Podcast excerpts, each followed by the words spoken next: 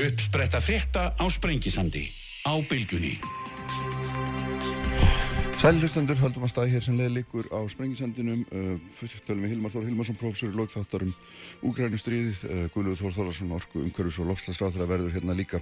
Það er verið hérna Bryndís Haraldsdóttir og Helga Vara Helgadóttir tölum þá um, um hlutskipti þeirra sem að neitað hefur verið um alþjóðlega vend í svona loka útgáfu þeirra neitunar sem að þeir nú komna á göduna, nokkra konur sem komnar á göduna þessum sökum og svona hefur nú vakið aðtikli og svo sem Uh, deilur auðvitað með því. En ég ætla að byrja hér á heimi sem ég lísti því nú án ég ætla að aldrei tala um sem er Dúkan Barbie. Og hérna hér hjá mér er Sýri Péturstóttir kvingundafræðingur og Margret Elisabeth Ólastóttir sem er prófessor við Listaháskólan Sælar og blessaða báða tvær, velkomnar. Sko, vinna, já, ég reikna aldrei með því ég myndi tala um Barbie það er vist alveg öðrugt en hérna, e, sko, kannski bara byrja því að segja sko, í mínum huga sem svona miðaldra vestrarins kallmanns þá er Barbie fyrst og fremst bara platinu blond svona ljóska heimsk hérna, óel í læginu og bara skríti fyrirbriði og, og maður, það er eftir átt að segja því hvernig hún verður að þessum alheims fyrirbriði aftur. Hvað Já. segir þú sér? Þú, hérna, þú ert mikill sérfræðingur í Barbie. Ég er mjög mikill sérfræðingur í Barbie. Já, og áhuga konum Barbie Já, Já. En það egnaðist í fyrstu Barbie-dökkuna á Húsavík þegar ég var lítill, þegar hún var nýkominn til landsins.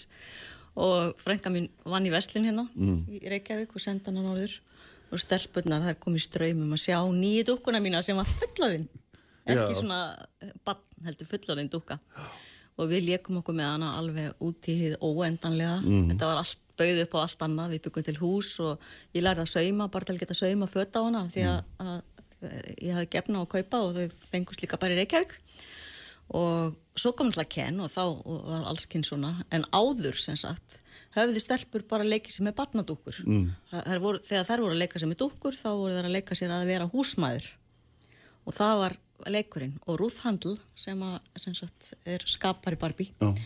hún var gift uh, Mattel mm. sem Barbie er svo kent alltaf við að hún hafi gengið með hann draum lengi að það eru búin til fullornar dúkur uh, þannig að stelpur getur og sem sagt hennar draumur var að stelpu geti það séð að það geti orðið hvað sem er strákurinnar áttu dúkkur sem að voru slökkulismenn og allt mögulegt mm -hmm. og hún vildi að stelpu fengi svoleiðist dúkkur mm -hmm. líka og hún reyndi að koma þess að koppin pizzaði þetta alveg aftur og aftur uh, gegnum allt, allan sjötta áratíðin án árangus en svo fer hún í frí með dóttursundi Þískalands og þar sér hún Lili sem er fullanindúka og varð til af teknímyndasögu mm -hmm. þískri og hérna hún kaupið okkuna, stelpann var alveg hillað af henni, þetta var nú svolítið svona dúbíu stúka samt sko en þetta er upphafsbarbíinn samt.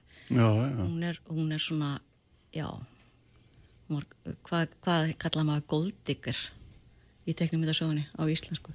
Já, gullgrafari Gullgrafari, já, já.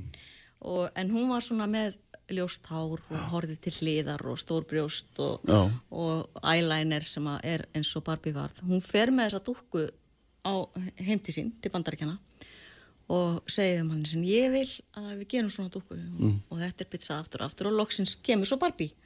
Í þessari mynd en dálta mikið breytt samt og hún hafi kvartaði við sko rúðhandla að þegar þau hefði verið að reyna að gera fullonardúkur þá væri það alltaf flatbrjósta og bara þú veist, liti ekkit út eins og fullonar konur. Mm -hmm. þannig að þannig var þessi óheilbriða líkams ímynd Barbie til. Hún er eitthvað svona málamilun. Hún, hún var málamilun á þessum tíma. Og lengi vel var Barbie svolítið, var hún ekki eins og rúðhandl hafiði hugsað sér. Mm. en Greta Görvik sem gerir svo myndina hún kafar hún í þessa sögu og langat alltaf til að gera Barbie svona uh, eitthvað líkar í því sem að skaparinn hennar mm. hafi gert en svo er annað nefnilega að sko Barbie hefur brist svo rosalega mikið undanfarna áratígi sem að við hefum ekkert kannski verið að fylgja svo mikið með hér eins og þú varst að segja á þann mm. þá sjá allir Barbie fyrir sér sem svona hérna konu sem er með óheilbriða líkamsýmynd sem vissulega er, ég átti miklu ástar og hattur sambandi við mína barbi þegar ég var lítil sko, því að ég vildi vera lung og mjó og ljósar sem ég var ekki. Og hérna en undanfærin ár þá hafa komið allt öðruvísi barbi dúkur út, ég veit ekki hversu mikið komið hinga til landsins en til dæmis 2019 komið svona uh, non-binary, hvað heitir það kynsegin dúkur út, alveg röð. Og transbarbið hefur verið tölvert lengi til og uh, núna nýlega kom út dukka með, með Downhill-kynni mm. sem að Lúna Litladóttir Dilja fjöks, ég sá hana þar Já. þannig að það eru, eru til í öllum stærðum og gerðum og, og kynþáttum og, og kynjum núna Hva, hvað segir þú Margrit? Ég sá að hérna, sko, þér fannst myndin leðileg og hérna, þú sagði það og hérna, við ætlum kannski ekki tala svo mikið um hana en, en, en, en þú keiftir ekki þessa svona, hérna þessa mynd sem er að draga upp á Barbie og finnst hún ekki verið að táknind um neitt nema sjálf og sér hennu eða hvað? Já, ég verði alveg á hínum endan sko, með Sigri að því leytinu til að ég hef ekki hugsað um Barbie mjög langan tíma. Og ég held að sko þú veist, ég vissi náttúrulega að hafa heyrt að þess að mynd var að koma bíó, ég menn maður ekki hérna, ég hef ekkert eitthvað að sett mér inn í þetta eða neitt, þú sá ég var að fólk var að tala um þetta á Facebook, það sem að hérna skoðanskipti fara fram. Já og ég sá að ég yrði eiginlega að fara að sjá þessa myndi að vita um hvað fólk var að tala. Þannig að ég held ég að vera búin að lesa eina gaggrinni mm.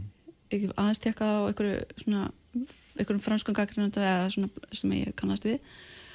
Og fór einhvern veginn í bíó með einhver sérstakar væntingar eða hugmyndir eða neitt og það sem eiginlega kom mér mest á óvart var að bara alveg strax á fyrstu mínutum þá fannst mér myndin alveg rosalega leðileg og ég var ekki að kaupa þetta Kubrick, Kubrick tilvísum fannst hún svo einhvern veginn bara ég sagði nei, ekki fyrir hún að gera þetta og fara að nota þessa tónlist og Jésús myndast það alveg fyrir neina alltaf og, og svo held þetta bara svolítið áfram sko, mm. veist, ég var alltaf að býða eftir að þetta sem að þú veist, það væri eitthvað sem að mynda að segja, já, ég skilja okkur að myndin er svona, einhvern veginn tala til fólks eða en svo mm. fannst mér bara að koma einhvern veginn svona hver klís og fætur annar og allt þar mér fannst kannski mögulega eitthvað spennandi var að gerast fannst mér alltaf bara fara aftur í sko eitthvað næstu klís mm. og hún mm. bara náði mér ekki myndin sko ekki eiginlega á neinum tímapunkti Nei. eða veist, ég menn það var samt kannski alveg En finnst þér hún ekki vera með einu móti, meina, hvað, hvað finnst þér um þessu umræðum, hvað hún, að þessi búið að breyta þessari dúku, einhvers konar feminist, feministka tákmynd og svona, er þú... Það er alveg brandar.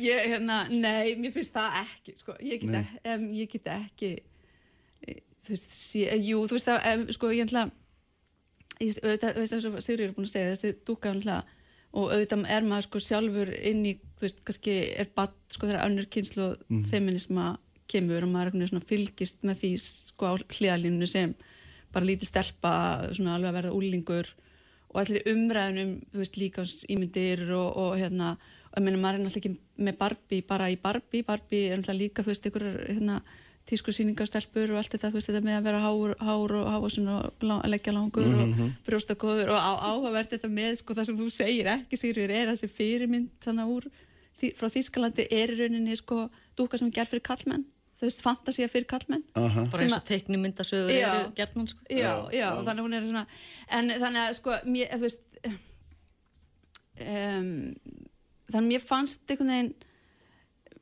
eða þú veist mér, hvað ég, hvað maður segja hérna veist, að, að það sé feminist ég veit ekki hvað það ætti að vera feminist einhvern veginn í, jú að stelpur megi vera stelpur þá snýr maður þessu samt einhvern veginn aftur tilbaka til þú veist, ertu ekki bara uppfyllað þess að feðraveldis mm -hmm. ímynd um konuna sem vill bara vera sæt og krútleg og í bleiku og einhvern veginn, þú veist, þannig að það er einhvern veginn þú veist, það er svona svolítið bítið skott á sér, já og ég, eitt af því sem allir mér rosalega vombriðum í myndinni var sagt, mér fannst mjög fyndið alveg þegar Kent kom yfir í raunveruleikan og uppgöttaði fæðraveldi en það var alveg mjög fyndið. Það er svona eina fáum sem ég fannst það, það var eitthvað svona já. Og svo var maður fyrir rosa vombriðum þegar maður sér góðan það var öll fyrir að snúa barbiheiminum yfir á sitt band og maður fær ekkert að vita hvernig það fór að því en það bara gerist í svona þú veist svo, og maður er þess að bara, nei þetta er skeri sko, þetta er eiginlega þetta er eiginlega bara pínu óhugilegt sko. en þetta er alltaf magnað hvernig þetta, þetta fyrirbriði, ekki hvað maður á að kalla þetta verður eiginlega til eða svona hvað þetta verður ótrúlega stórt og Já. maður sér það hérna fólk á öllum aldri er að tengja ég held að þetta væri, veist, bara að ég verið spurðið fyrir árið barbilungu dögt fyrirbriði en það er bara Ég, sko, Ekki, ég, ég, ég fór aðeins að skoða betur sko af því að ég hafi saman tíma og spurði mér mm -hmm. hvað sem að koma á þess að ég verði aðeins að kynna mér þetta betur. Og þá sá ég að hérna þú fór eiginlega í ykkur svona yfirhalningu fyrir svona 2015 eitthvað svo leiðist, það var verið að endur móta í mig og ég sá myndina eiginlega bara svona eins og sko þú veist, hvað maður að segja örvatningafulla tilraun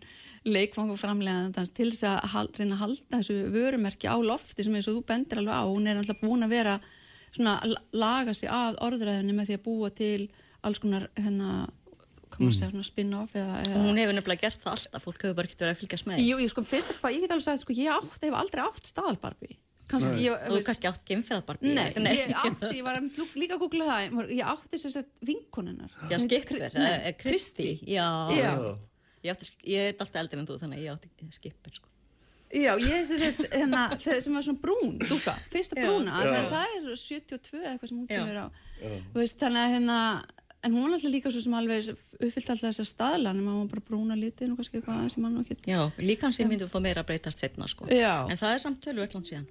En hérna, þannig að ég sko, þú veist, já, ég veit ekki hvað maður að segja, hérna, en mér fannst einhvern veginn svona allir svona viðsnúningar, þú veist, ég veit ekki, þetta bara eitthvað náðu ekki til mig, þú veist, hvað getur svo alltaf svona, þú veist, já, hérna, og ég upplýði líka hérna, þetta sko að að þetta væri svona röð af svona auglýsingaskotum þegar maður auglýsa allar vörunar og mm. sesta og, og í lókin var það náttúrulega alveg bara þú veist, grímulaust sko. Og þú var, einmitt að benda á sig að þetta vera, hefur verið gert og, er, þetta sem Hollywood gerir þetta, og, já, já. og það sem að yðnaðurinn gerir. en mér finnst það ekki endilega verið eitthvað sem er, veist, er það þá, ok, allt í lagi hérna, uh, er það þá eitthvað svona réttlæting eða eða loksins fá konunar að vera með í stórum marka mér finnst, bara, mér finnst aðalega, jú það er nefnilega það er nefnilega mjög mikilvægt. Vegna þess að konur hafa ekki fengið að gera blockbustera. Og Greta Gervig þó hún hafi verið sko fræg fyrir að, að vera uh, indie darling og gert indie myndir með, og, og líka með manninum já, sínum já. hérna að Nova Baumbach að hún hefur sagt frá því hún var kornungi og alltaf fylgt með henni að því að mér hefur fundist hún einn aðdeglisverðasti leikstjóri samtímans. Og mér fannst þína myndirna Lady Bird og, og mm. hérna Little Women og mér finnst það frábæra sko, Frances Ha er endar mín uppáhald sem þau hjónin gera en sko hún hefur sagt frá upphæðu mér langar að gera blockbuster-myndir ef ég fæ að gera það þá verð ég glöð ég vil, veist, mm -hmm. ég vil mhm. gera myndir fyrir miljala og En það eru náttúrulega eðlisinu þannig að þær þurfa að höfða til já. mjög lág samnefnar, er það já, ekki? Annars geta það ekki orðið fyrir vinnselar. Og Barbie er svo rosalega marglaða. Mm -hmm. Það er þetta að skilja hann svo marganhátt og það er að ég hef alltaf haft svo mikið áhuga á popkultúr að mér hefur fundist, mér hefur svo sko merkilegt hvað til dæmis fólk með ólíkar skoðanir hefur gaman að Barbie. Ég hef hort á sko, það voru konur að læka hjá mér status sem voru annars vegar konur sem að, hérna, eru það sem kallað er augafemmar mm. og hins vegar konur sem eru akkurat á öndverðu meði mm. að sjá sitt hvora myndina og til dæmis í bandaríkjanum, það sem ég hef verið að lesa núna sem ég hefur svo merkilegt, það er sérstaklega transheimurinn sem hefur alveg tekið þessa mynd upp á sína arma og ég hef lesið sko greiningar sem hafa verið gerðar mm. og sem eru mjög merkilegar. Og, og sagt, þar eru skilabóðin þau að Barbie sé í rauninni trans og, og hún, sagt, hún er að reyna að skilgreina sig. Hún finnur sig ekki í eigin líkama mm. og það er náttúrulega þannig í myndinni. Hún gengur í Birkenstock. Hún hlustar á Indigo Girls. Hún hefur ekki áhuga á Ken. og, og hún hérna hún hefur reyndar ekki áhuga á kyn sem er nei, og svo samsaman hún sem Weird Baby sem að Katie McKinnon leikur Já. sem er fræg fyrir að vera aktivisti hins eginn fólks. Og það er líka sem sagt uh, það er transbarbie sem leikur hana eh, hérna, transkona Harry Neff sem leikur eina af þeim. Og svo er það náttúrulega endurinn nú var að ég við spilliðefni fyrir Já. þá sem að hafi ekki séð Barbie, þeir bara slappa núna í smástund og kveik, með að kveiki aftur eftir tvær sekundur, mm.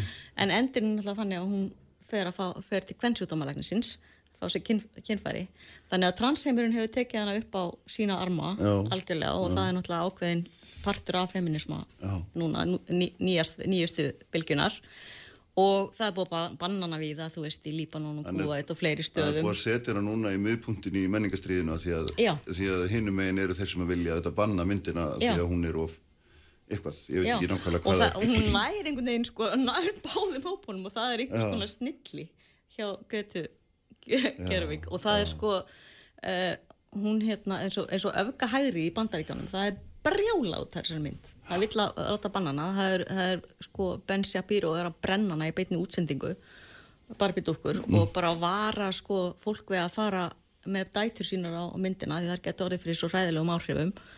Og sem ættu þá að vera hver? Kynvitundin.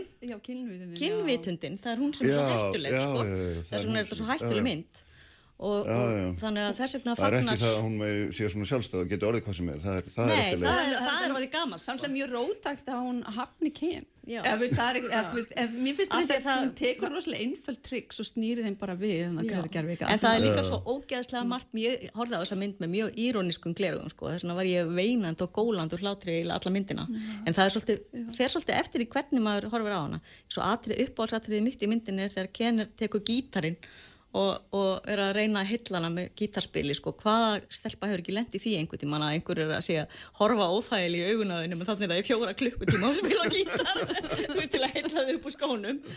Og það er, það er mörg svona atriðir sem að mér fannst alveg briljant En þetta sýnir okkur einhvern veginn að það er þessi dúka eins hérna svona maður er síðan að bara segja algjörlega innviða að hún er einhvern veginn komin í miðju á umræðu og bara í miðjuna á þessu svona menningastriði og, og, og þeir eru búin að, þeir eru alltaf að selja sko ég fór alltaf að tjekka á það með, sko, þeir eru alltaf búin að, búin að búið til útgáfur af eins og þeir gera með strafan mm. líka, búin, búin til ný, ný útgáfur af í rauninni Barbie og Ken eins og þeir eru í myndinu og personum úr myndinu og þetta selst þess að heita lumur já, þannig að veist, það markmið er alveg sko, þú veist, þeir náðu því markmið að kominni aftur í umræðuna á markan og mér finnst líka áhugavert sko þetta sem þetta segja það er kannski, þú veist, ég er að horfa þetta sem ok, finnst mér þetta áhugavert kvikmynd en svo svona men, sem menningarlegt fyrirbæri mm. þetta sem þú ert að benda á.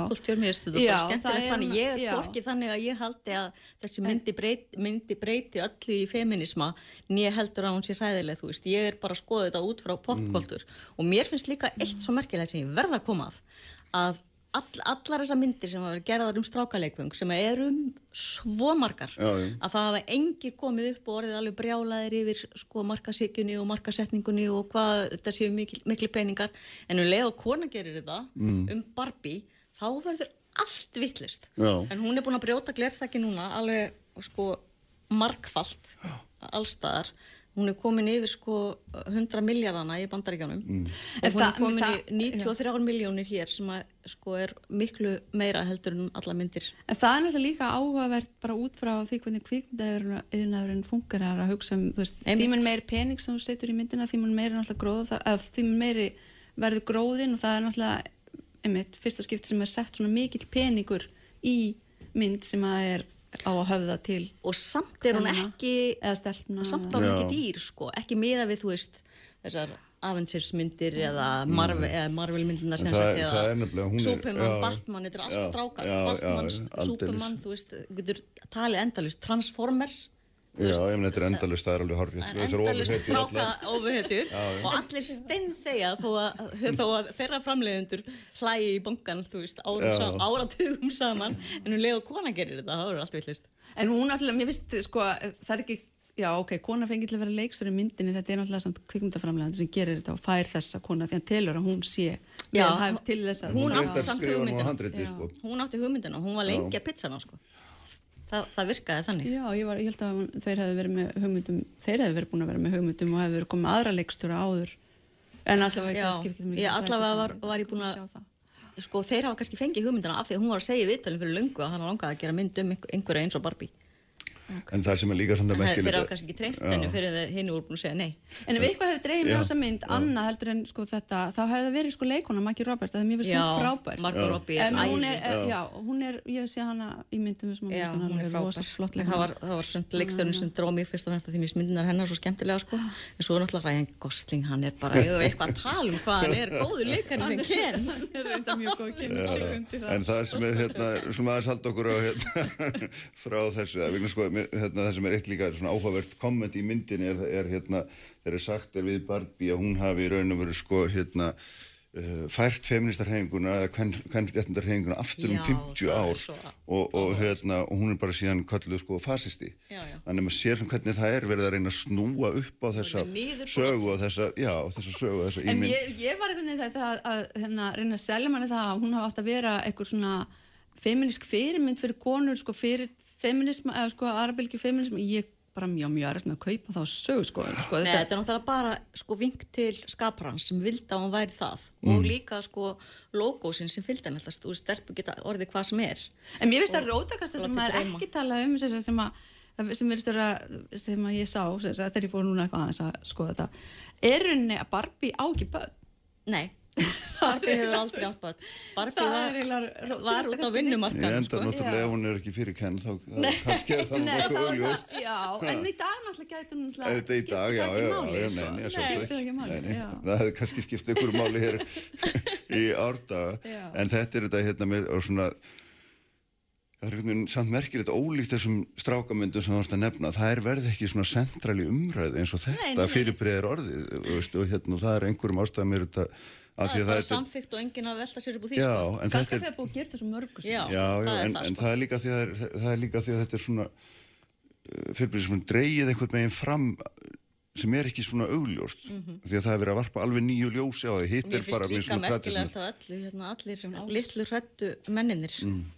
En það er það líka eins og þetta sem að benda á þannig að einhverja svona hetjur sem að byrja sem teiknumundasögur sem sögur sem eiga sér einhverja svona einhverja baksögu að hérna eitt af því sem er kannski það sem ég fannst sko myndin einhvern veginn ekki ná að gera sérst, af því að Barbie á einhvern veginn enga sögu. Það er kannski þess vegna er hún eins og svona röð af sketsum fyrir eitthvað heldur en að sé beinlinis eitthvað söguþráður. Við fannst þetta alveg, já, en ok það er bara, þú veist, en annarkvæmt bara eitthvað næri eitthvað manni eða ekki ég, veist, já, ég, ég er búin að vera rosa hissa á öllu sem eru veist, sem hefur skemmt þér á myndina því ég var vild að mér Nei, ég held að það er náttúrulega sem betur fyrir hefur fólk misjafna smekk á öllum myndum. Já, en, en sko það er líka, hérna, líka er ekki Vil Ferrell sem að leikur hérna einhvern karakter sem að, já, sem að við fá bara í Back in the Box. Já, já. Svona, það er líka tilvísun í eldri mynd sem hann hérna leki í. Og, og það er líka einhver svona, einhver hugmyndum að ramma þessa þess að dúkku inn í þar sem hún á að vera og hún sé ekki að hérna, brjótast út úr en ég er ekki sko að því að Barbie er, er dæmið það hérna, og nú fabulýr er bara frjálstum að allar konur er að geta gert allt sem það er en það er bara að það eru sætar Já, já, það er, er það ekki þannig? Það Jú, líka, það er náttúrulega... Og alveg kommentari á, á það líka já. í myndinni, sko. Já. En svo þegar Helen Mirren kemur hann að sögum að segja það. En þessum er hún svo erfið, erfið sem svona, ég veit ekki, ég ætla ekki að tala nú á dorðið fyrirmyndi, menn þetta er bara ekkert betri hug. Já, ég veit. Sérstaklega sko ef þú ert með gam, gamlu dúkuna þá mm. er hún erfið fyrirmynd. En nýjar kynslaður fá náttúrulega nýjar dúkur og það eru ekkert erfið að fyrirmyndir. En, en ekki, samt er það það staðan Barbie sem er að personan í myndinni. Já, já, í já, fyrstu já. myndin allavega. Ég hef nefnilega grunum að það sé bara fyrsta myndin sko. og svo komi meira sagan. Já. Af því að sko þó að hún sé ekki, eigi ekki sagt, sögu á bakvið sig sem er reyndar líka með margast þákamittir en kannski ekki þessa frægustu, mm. að þá er aldrei að vita um að komum bara sögur á eftir sko. Já, verður sköpuð bara aftur tilbaka. Já, það er ég, ég trúi sko eh, trúið til alls. En mér varst líka alltaf skemmtilegt að þú ætlaði að byrja að tala um það áðan mm. hvernig Barbenheimer fyrir bara og þetta þessi klikkaða markasetting var til sko. Já. af því að þú veist hver einasta pér manneski heiminum myndir náttúrulega bara sko brosa hringin alltaf æfi ef henni tækis þetta. En þetta er nefnilega sko þetta er svo miklu lengra aftur og bakk og þetta er, þetta er svo mikið komið frá fólkinu frá social media, frá já, reddit já. áður en að markasöflin tóku við sér sko. Þar var umræða sko mánuðum saman, ja, meirinn ár síðan bara um leið og fólk vissi að þetta er því svona um að sko það ætti að búa til svona double feature. Og það var verið að búa til allskinn svona hérna plakut um þú veist Barbenheimer lungu áður en að lungu áður sko en það er alltaf absúrt hugmynd já Það er, það, það er nefnilega svo skemmtilega absúrt hugmynd. Ég, það er skildi virka er sko alveg undalegt. En af þeir sem hafa ekki verið sáttu það er Japanir. Já, það sjálfsög. Já, já, já, já, já. En svo er náttúrulega hérna... Þeir bönnuðu samt ekki Barbie, þeir bönnuðu... Nei, það er bara þetta skeit, skeita þessu tvennu saman. Já, já, já, já, þetta er hérna, þetta er alveg merkilegt eins mér hérna ég hef aldrei nefnt að horfa á þessar straukamyndir en minnst þetta að vera hérna, svona, setja sig einhvern veginn á allt annar stað. Já, þegar maður er kvikmyndafræðingur þá varum maður að horfa á ímislegt ekki það sé allt sér Þú ert ekki, ekki samfærð, hérna Margreit Sig Ég, sko, ég, hérna, mér finnst alveg áverð þess að hún er að hérna, benda á mm. og ég held að mitt eitthvað svona, ég meina, það er eitthvað ástæð fyrir þessi mynd nær til fólks, ég meina, hvort sem það er markasetning eða fólk eða þú veist, hversu margir fara í bíó eins og ég bara segja til þess að geta sko mm. forvitnin sem forvitni er alltaf fyrst til alls og maður hugsa bara hérna, ok, ég meina hvað er þetta og hvað er það sem dregur fólk og það sem kannski slæ, eða, veist, það sem sló mig kannski var um þetta ofta sem að fær myndi til að ganga upp er einhvern veginn svona góð sögúþráður mm. en kannski þarf engan sögúþráð fólk er bara vant að horfa á svona júb og það er svona tíminna slott og sögúþráður í Star Wars til dæmis hver getur rakið hann?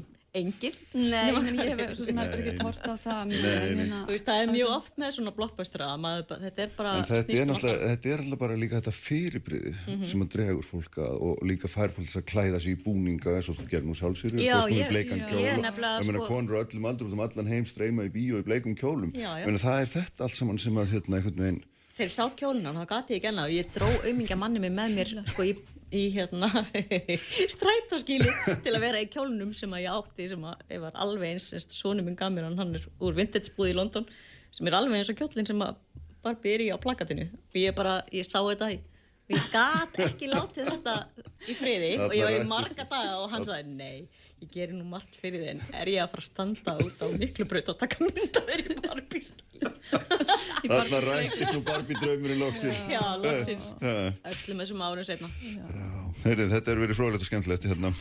Takk báða fyrir að koma. Og ég ætla að tala hér um allt annað málum miklu alvarleira eftir en hérna Sirju P. og Margit Elsveit Takk ykkur báða fyrir. Takk sem leið Helga Vala og Bryndís Haraldsdóttir verða hérna hjá mér þá ræðum við um hælisleitindamál Sprengisandur alla sunnudaga á bylgjunni. Sprengisandur. Á bylgjunni. Hlustundur, uh, Sigri Péturstóttir og Margit Elisabeth Ólustóttir farna frá mér eftir fjörlega rumræður um, um barbídúku og all hennar, hérna, allt hennar, allt hennar mikla svið sem að hérna hefur nú markfaldast á síðustu, síðustu dögum og vikum.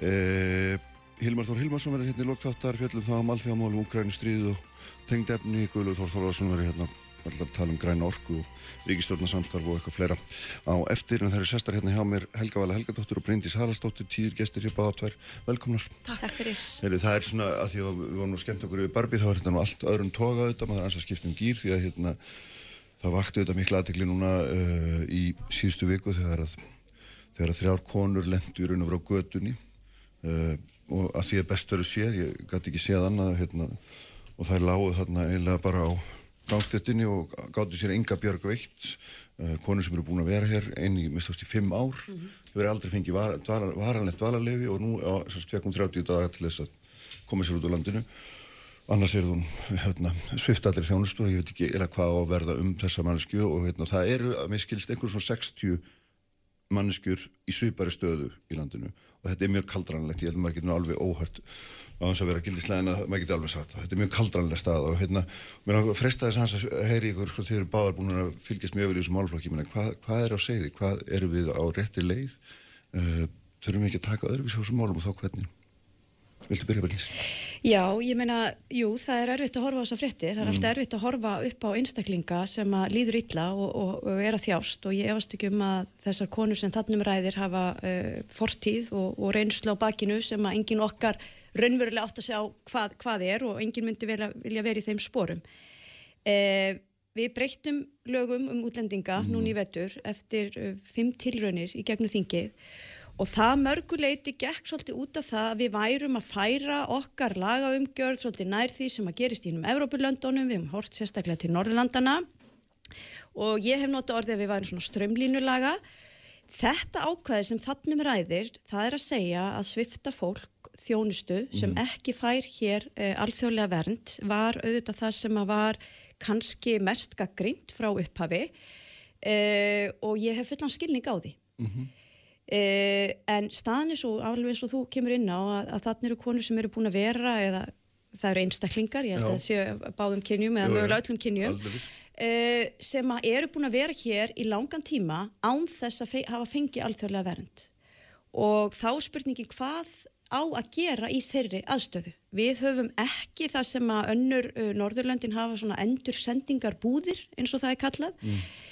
uh, og það var niðurstaðan hjá okkur í þessu tilfelli að segja sér að það eru þá að svifta þetta fólk þjónustunni og það, þú veist, það skal ítrekka þetta, þessir einstaklingar hafa fengið málsmeðferð, þeir hafa fengið löffræðaðstóð við það að reka umsóknarferðið sitt fyrst í gegnum útendingastofnun og svo í gegnum kærunemdina. Mm -hmm. Niðurstaðan er svo að þau uppfylla ekki þau skiliri sem að Íslensk lög hafa sett og í rauninni alþjóða skuldbindingar okkar eru um að fá alþjóðlega vernd sem þýðir með öðrum orðum að það er mat íslenskra stjórnvalda að þessir einstaklingar eigi að fara aftur til síns heimalands. Það stafi ekki ógna því fyrir þessa einstaklinga mm -hmm. að fara til síns heimalands og sem beturferð er það nú þannig að flestir gera það e, flestir ættu auðvitað að gera það bara sjálfviljur og Íslands stjórnvöld hafa komið upp stuðningskerfi í kringum það e, greitir svo kallar heimfara styrkjur og annað til að fólk getur komið undir sér fótunum aftur í heimalandinu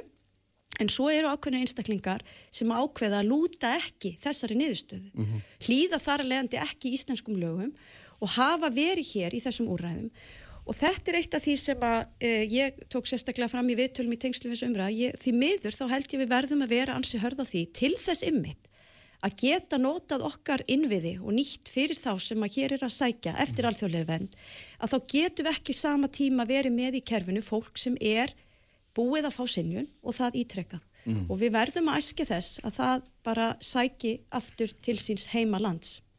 En uh, sko nú er það í einhverju tilvikum, Helga Vala, þú kjænst að núna, hérna, þetta, er þetta konur sem, eins og þessi sem eru mest í fréttum, hefur verið seld mannsali frá Ítalíu til, nefnir frá Níkaríu til Ítalíu og, og við erum búin að samþyngja að Ítalíu sé ekki sérstaklega ákjósanlegt fyrir hælsleitundur, þannig að við getum ekki sendað þanga, við hefum ekki rétt til að senda hann aftur til Níkaríu því það er ekki samningur á milli þjóðana, þannig að við erum raun og verið að segja við fólki, hvað erum við raun og verið að segja við fólki í þessari stöðu?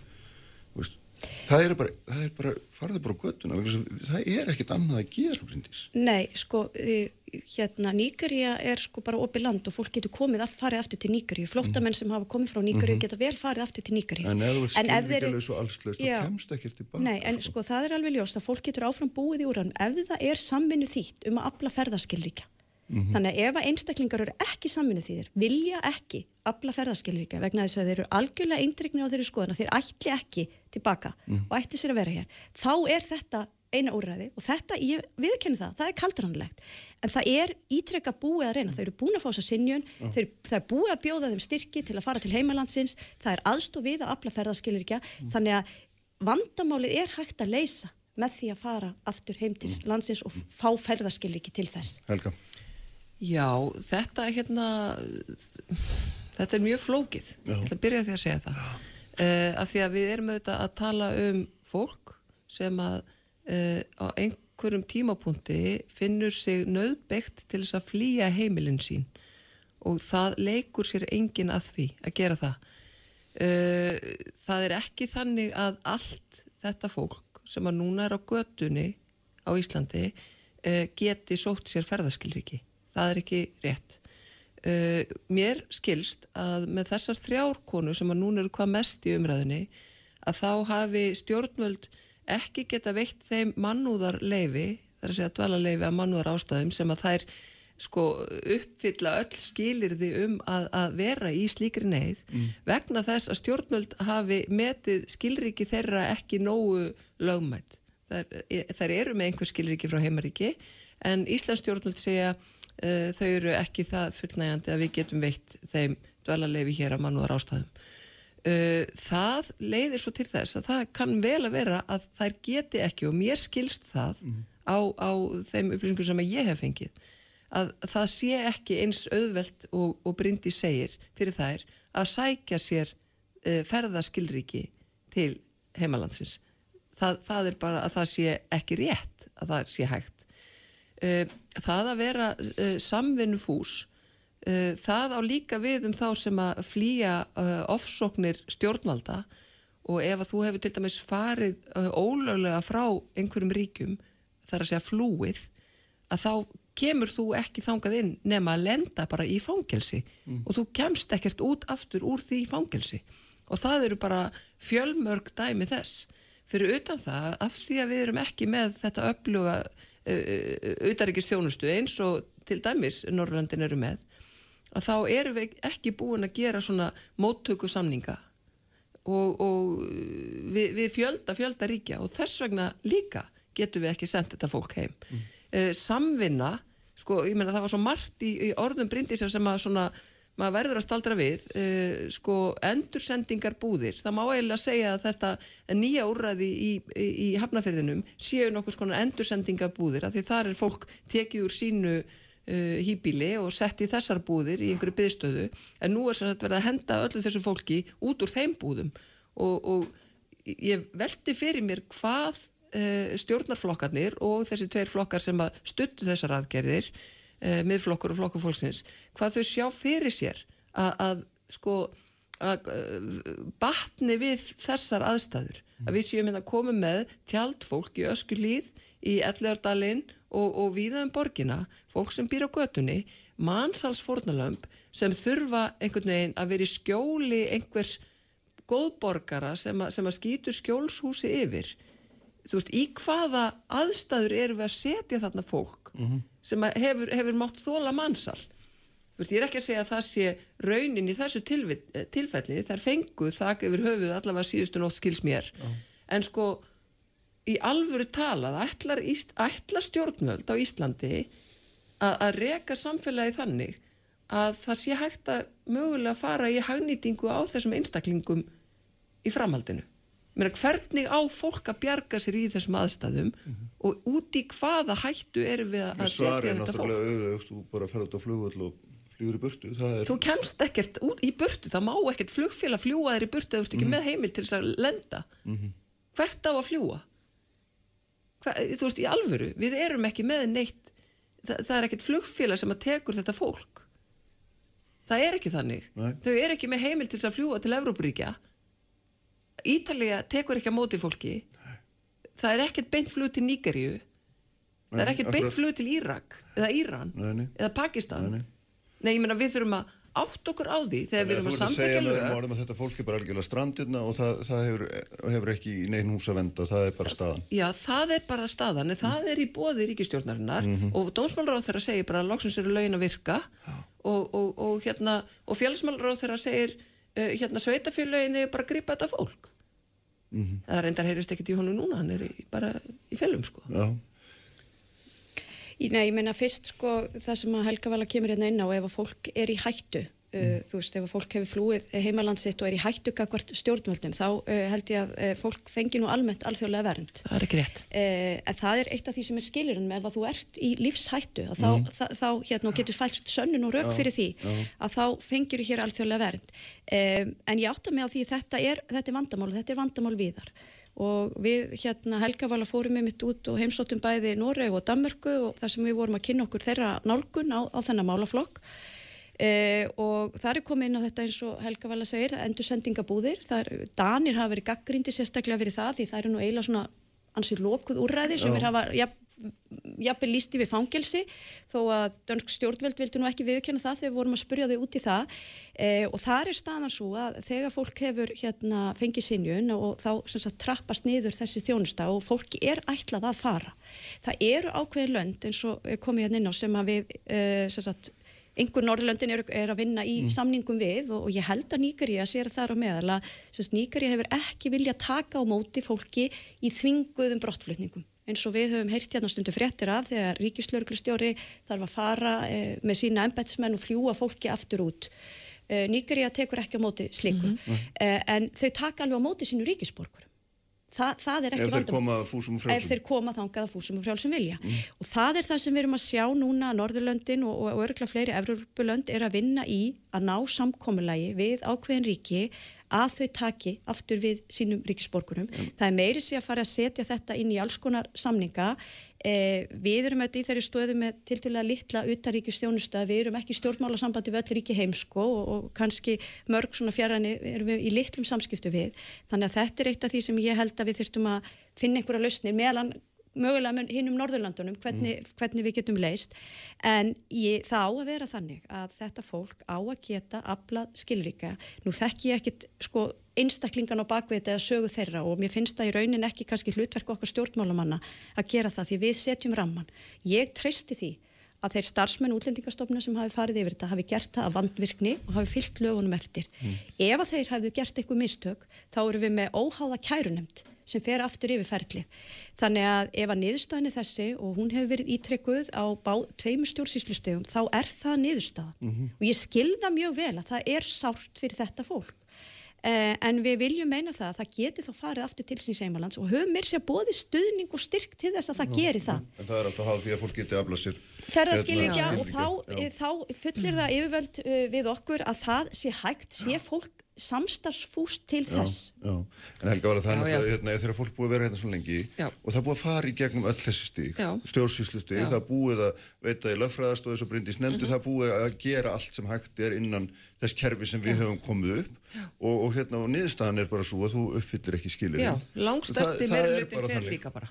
Það er, það er þannig. Og, og, og stærsti hlutin Uh, tekur ákvörðbitu stærsti hlutin tekur ákvörðun um að fara bara uh, jáfnveil áður en að loka niðurstöðan kemur og, og fara innan rammans til þess að fá ekki mitt þessa brottvísun og endurkomubann og allt þetta sem að fylgir því mm -hmm. það, það er bara, það er langstæsti hlutin sem að gerir það þannig að við erum að tala um lítinn lítin hóp Já. og þessi hópur er líka á Norrlandunum og af því að Bryndís var að tala um heimsókn okkar í allsverðum mentamálunemnd til eh, Norræs og Danmarkur þá verði ég nú að minna Bryndís líka á það að einmitt þar spurðu við út í þessa niðurfellingu og þjónustu og þar var einmitt sagt þetta myndi okkur aldrei detti í huga að gera að því að við viljum einmitt ekki fá fólk sem býr bara undir brúnni. Þetta var tekið svona til orða, meirins að hjá frændfólki okkar í Danmörku sem er að reka hörðustu útlendingastefnu núna, mm. að þau segja bara við myndum aldrei gera þetta. Við viljum ekki hafa bara fólk heimilislust á götunu, við vitum alveg hvaða vandamál það skapar. Það skapar vandamál í lögjæslu, í félagsstjónustu, sveitefélögum, heilbríðskerfinu og út um allt og það verður bara mannúðar krísa og það er það sem við erum að horfa á núna. Hvort sem okkur líkar það betur eða verð. Það, það er bara hérna, mannúðar krísa í uppsiklingu að því það er búið að henda hérna, það er búið að 50 manns á götuna og hvar er þetta fólk mm -hmm. og ég held að það væri gott að því að Bryndi segir að hún þekki ekki mál einstaklingana. Ég held að það veri rosalega gott fyrir fólk sem hefur svona mikil völd í þessu málflokki að prófa einsinni að hitta fólk auðliti til auðlitis bara og bera fram spurninguna til dæmis við hérna ungu kallana sem allir eru að gaggrina að séu hérna að hérna að spurja til dæmis einhvern sem er 23 ára hvenar áttir þú heima einhver staðar síðast? Af því bara þessi spurning mm og fá svari við því getur verið alveg sjokkrandi. þá áttar mig að segja á því að það er kannski einstaklingur sem var hend út á götu í heimaríkisínu þegar hann var tí ára. Ég hef verið með þannig fólk hinn með við skrifborðið sem er að lýsa aðstæðum sínum sem hefur búið á götunni þú veist, frá tí ára aldrei og er auðvitað að reyna að bjarga sér.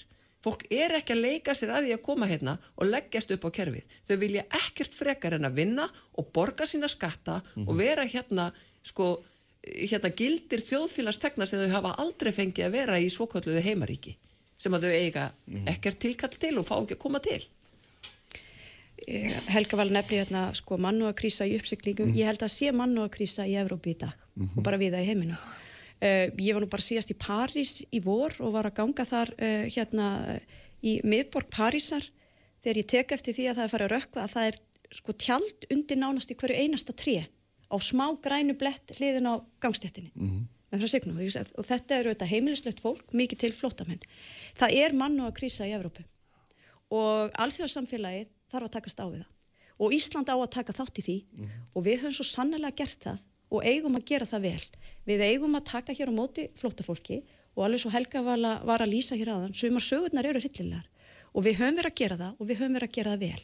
En ef við ætlum að vera með kerfi mm -hmm. Þá er það svo lerfitt þegar fólki er búið að fá þessa sinjum og hvað? Hvað þá? Á það bara samt að fá að vera? Á það bara samt að fá dvalarleifi og á það bara samt að fá að vinna?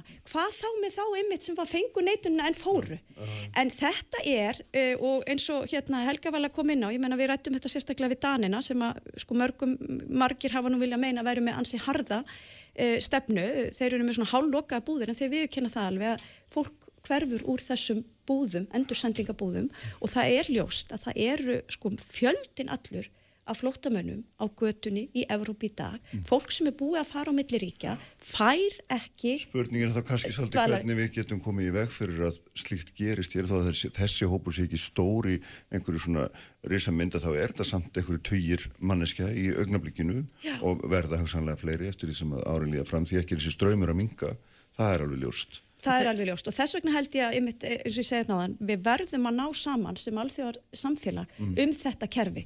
Og flótamannarsamningur saminuð þjóðin er fallegur og góður samningur. Og það er einmitt eitt af því sem við rættum við, við ágætt að kollega okkur á Norrlöndum sem höfðu starfað í þessum málaflokki lengi að það er ákveði regluverki kringum það. Og það er mjög mikilvægt að regluverki haldi og það sé ekki verið að búa til eh, sko einhverjar uppbyggjur eða krúsitúli hér og þar því þá brotnar undir sjálfu kerfinu. Mm -hmm. En það er líka alveg ljóst að þessi samningur og þetta kerfi er ekki að taka vandanum heilstætt eins og er í dag. En litla Ísland mun eitt og sér ekki breyta því. Nei, Þannig að það þarf að taka heilstæður á því. En þeir sem eru hérna, Bryndis, þeir sem eru hérna búin að vera hérna lengi og uppfyllgið sér skilir því og mhm. geta hverki farið eigum við alvöru sem samfélag að setja fólk á gutuna ég meina, veist, þetta er bara saminsku spurning snýst ekkert um kerfið eða lög ég er bara að spyrja saminsku spurning, Já. er þetta það sem við viljum gera? Nei, við viljum ekki að neitt búi mm. á Íslandi á gutunni uh, eh, hvorki þeir sem að hér eru fættur og uppaldnir nýja mm. þengar sem hinga að leita mm. eftir vernd uh, við viljum að þetta fólk fari aftur til síns heima og það hefur verið þá mat íslenska stjórnvalda að það geti það, það sé ekki hætta sem stafi af því -hmm. Spurningin er sko Helga vel að segja hérna sumt af þessu fólki vill ekkit annað en að hérna vinna. Og það er annar þáttur í svona útlendingastöfnu okkar mm. Íslendinga sem við þurfum að fara að horfi og við náðum reynda líka uh, ákveðnum skrefum í núna bara á orðinginu það er að ringa möguleika fólks til að koma til Íslands til að dvelja og starfa og það er alveg ljóst að við Íslendinga þurfum að fara að vinna uh, meira í, að því svona heildstætt. Við höfum svolítið mikið verið að horfa á flottamannaströmin. Uh, það er mikið af fólki sem að, sko, er að uppfylla skilirði uh, laga og alþjóða skuldbindingu um að vera flottamann en það er líka mikið af fólki sem er að leita betra lífs. Og við Íslandi eigum að taka vel á mótu okkur, okkur vantar vinnandi mm. hendur en við þurfum að hafa eitthvað ramma í kringum það. En það er ekki alveg hægt að miksa þessu kerfi saman. Þannig að e, nei, auðvitað vill ég ekki og enginn í stjórnar meiri hlutanum að fólk sé á götunni. Það, það er ekki meiningi með þessu. En það er aflegging lagarsetningarinnar. Já, aflegging lagarsetningarinnar er að þrýsta, er að þrýsta á þetta fólk að fylgja íslenskum lögum og fyrirmælum íslenskra stjórnvalda. Alveg það er, það er að yfirgefa landið og fara mm. aftur til mm. síns heimalands vera samminu fólks við Íslands stjórnvöld um alla ferðarskil minn var einn að sá þegar það er ekki hægt þá ertu með fólki hér og það er komið á guðun og það kemst ekki burtu og mm. það er hópur hér sem er þannig og ég veit þetta er ekki stór hópur og ég veit þetta er ekki risastórt mál í þeimskilningi en þetta er samt fólk á, veist, það er einhvern meginn á okkar Já, en, það, hér, já, en það hefur verið mat uh, stjórnvalda að þessir aðilar geti farið en þau kjósa að gera það ekki.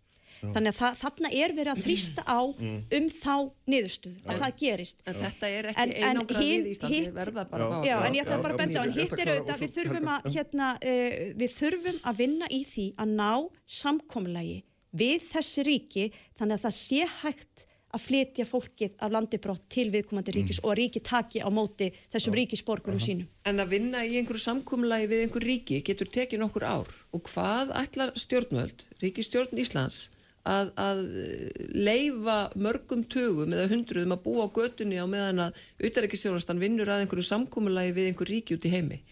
Uh, við vitum alveg að þetta er ekki bundi við Ísland. Þetta er ekki bundi við það að fara að íslenskum lögum og, og, og vissulega er flótamannarsamningurinn eh, mjög gott plagg eh, en, en sko er, þetta er bara svo matskent hvenar þú ert í hættu, hvenar þú ert í neyð mm. og þess aftar og það er um það deilt í þessu öllu. Enga síður er það þannig að það er líka, það eru líka hópar í Noregi, í Svíþjóð, í Danmörku, Finnlandi sem er ekki hægt að senda tilbaka. Jafnvel þó að það séu, séu hérna samningar auðvitað eru líka ríki sem gera bara enga samninga. Við erum ekki með þessa samninga. Við getum ekki sagt bara þú átt að fara heim. Ef það er ekki hægt að senda fólk heim þá er ekki hægt að senda fólk heim. Eins og ég er búin að segja hérna áður í þessu viðtali, þú hendur ekki þessu fólki upp í flugvel, þú segir þessu fólki ekki bara að trýta sér út í leifstöð það er ekki þannig þau vita það, þetta var fyrir séð við bendum á þetta og að því að þau hlustaðu þetta ekki á stjórnarastöðuna þá voru það Rauðkrossin, Flótamnastofnun saminnið þjóðana En hver væri lausnin í, í, mál, í, í málum fólk sem að, hérna, færi ekki varalegt dvalarlefi hérna, ekki varalegt, dvalarlefi Nei, færi ekki alþjóðlega vend eða, eða, eða, hérna, eða Já, en meina af er við hægt að veita til dæmis mannúðar dvalarlefi hver er ástafan fyrir því að, að konur sem að flýja hingað undan mannsali mm -hmm. ég meina, vitið hvað það er? Þú veist, þú ert ímist í kynlífsþrælkun eða, eða í einhvers konar annars konar þrælkun. Ég meina, vinnuþrælkun. Þú veist, það, það eru mannsals uh, þólendur af, af öllum kynjum.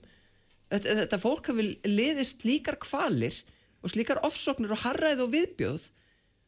Það er óskiljanlegt að við látum eins og þetta fólk þurfi ekki að vernd það er bara, það, er bara það, það gengur ekki upp. Og að hlusta á líka það sem er verið að ræða í fjölmilum e, þú veist að, að einhver get ekki verið e, fórnalamp mannsarsa því að viðkomandi þykir ekki nógu fallegur í framann hvað vils er þetta?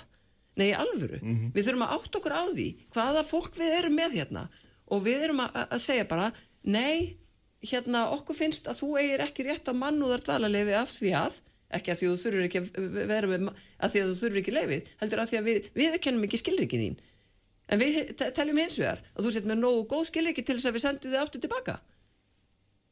Þetta, þetta, þetta við getum ekki sendt fólk í burtu sem að er ekki með skilriki það er bara þannig. Og ef að þú getur ekki fengið þau eins og þarna ég menna ef að, ef að þau gætu fengið skilriki þá hefðu þau geta fengið hérna mannúðalefi augljóslega þá geta þau ekki sótt skilriki mér finnst það bara að blasa við ef að stjórnvöld viðurkenn ekki þá papir sem þau eru með þá, þá er það bara mm, þannig mm -hmm. þá eru þau bara götunni undir náð og, og miskun uh, uh, Hver er þín lausn á þessu vandamáli? Já, það er góð spurning Já Nei, ég menna á, á því vandamáli að láta fólk ekki vera á götunni. Við hendum fólki ekki út á götu. Nei, ég menna, ertu með þessu, með öðrum orðum að segja fólks í þessu stöðu eigi þá bara fát valaleifa mannuðar ástæð? Já, það væri til dæmis eh, góð, góð leið mm -hmm.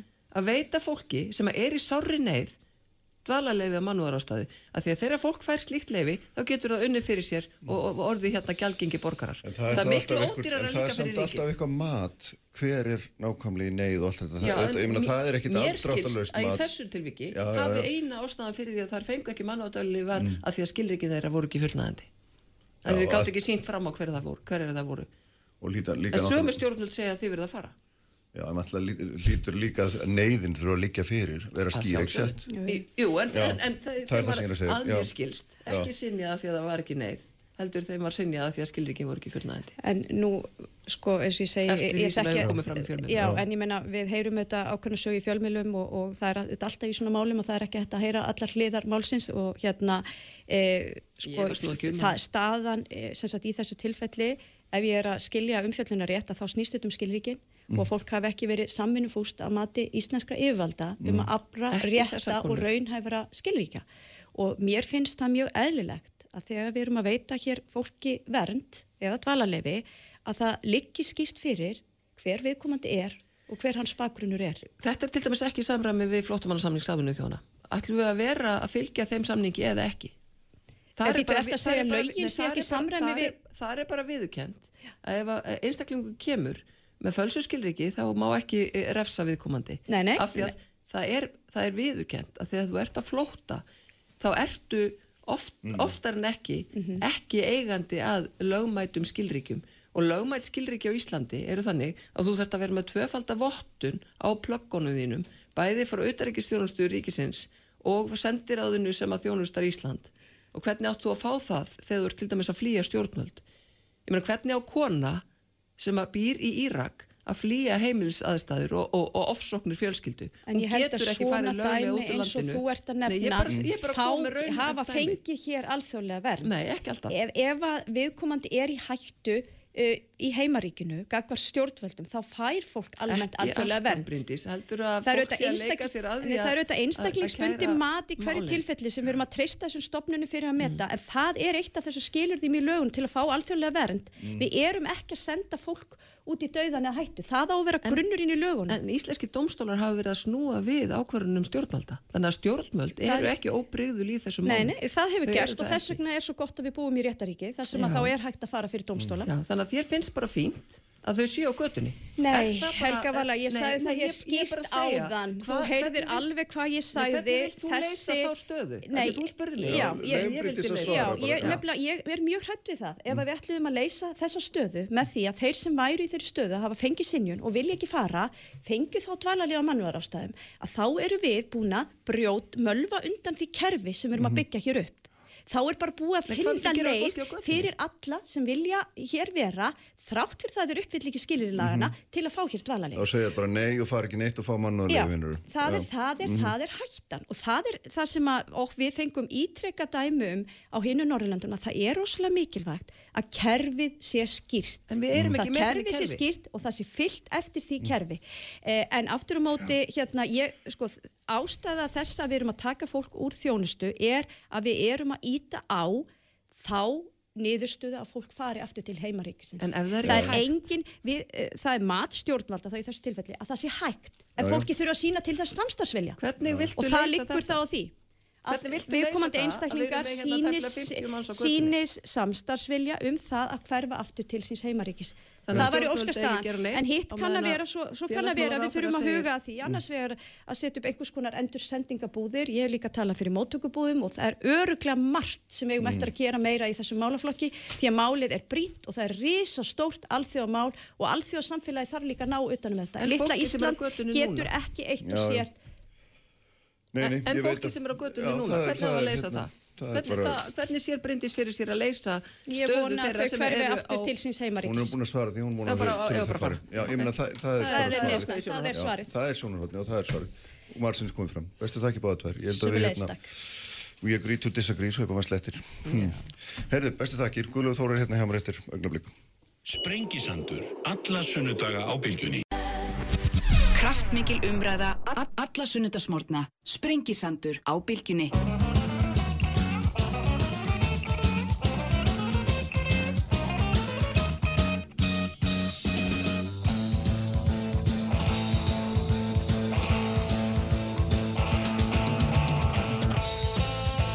Sæli afturlustundur, uh, farnar frá mér Bryndi Sadalsdóttir og Helga Vala Helgadóttir eftir Snarpa.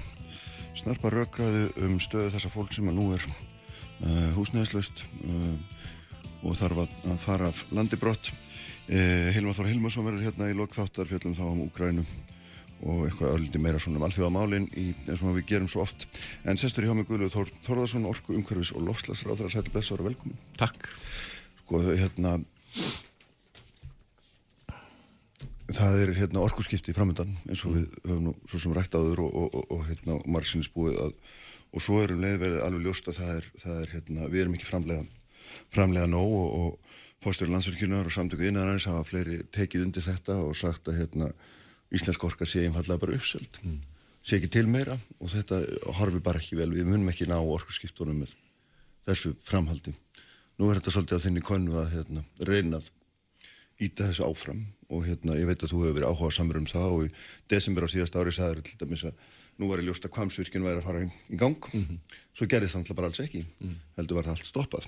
Og maður er þetta veldi fyrir sem svona bara almennt talað við tölum mikið en, en hérna en það virðist ekki vera margt í gangi svona allavega utanfrá sér eh, Það er mjög margt í gangi en það sem við erum að eh, upplifa núna og ég hef verið að leggja áherslu á og ég maður skróla niður fyrirsagnir á viðtölu með að það er nokkur einhverju einast að segja við þurfum að fá græn orku Já. og okkur likur á en við hefum ekki gert neitt í, eða mjög lítið í 16 ár mm.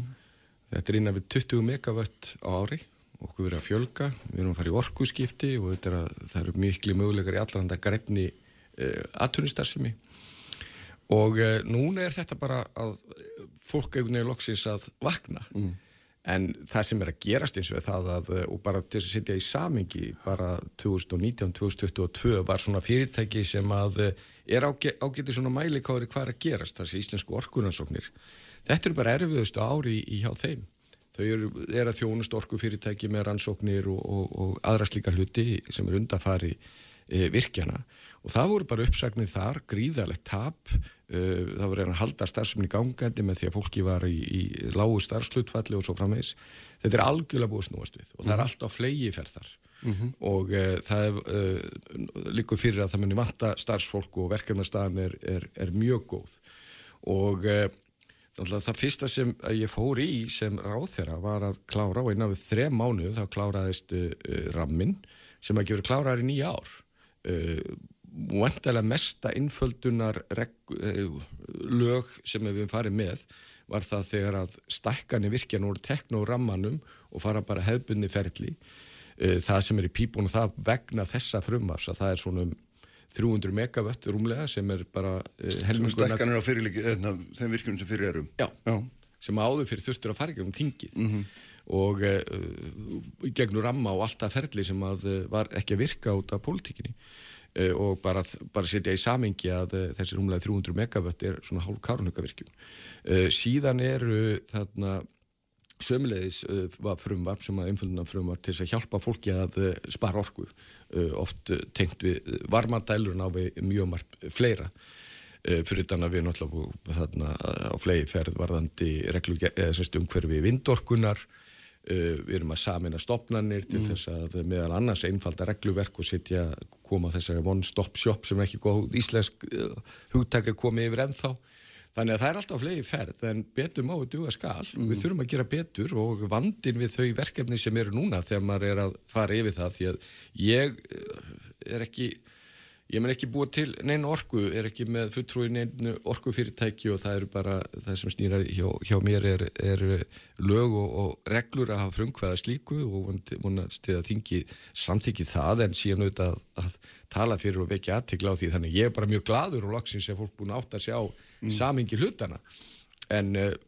okkur liggur á því að þessi verkefni sem er í pípunum, sem er ansi mörg mm. að þau eiga það sammert að vera detta inn á allra síðasta síðustu áránum árum við þurfum að uh, uppfylla uh, það sem við erum búið að skuldbindu okkur fyrir 2030 mm. sem er mjög mikið og ég hef mikla rávíkjur af að við þurfum að hafa okkur öll við til þess að geta náð því það, það er það, og eins og núna með óbreyttum framkvæmdar þá getur nú fullvisa mig, nei full nokkuð öruglega að það verður nánast ómögulegt Þetta lítur, þetta er ekki bara grænorkuöflun, þetta er líka ringrásarhagkerfið mm. og, og, og uh, skórat og landgræsla litlum hluta en, en, en uh, það er annar staðar í öðru bókalskerfi og, og það eru, eru markmiði fyrir 2040 sem við þurfum að uppfylla en það breytir einhver við þurfum að, að sinna því.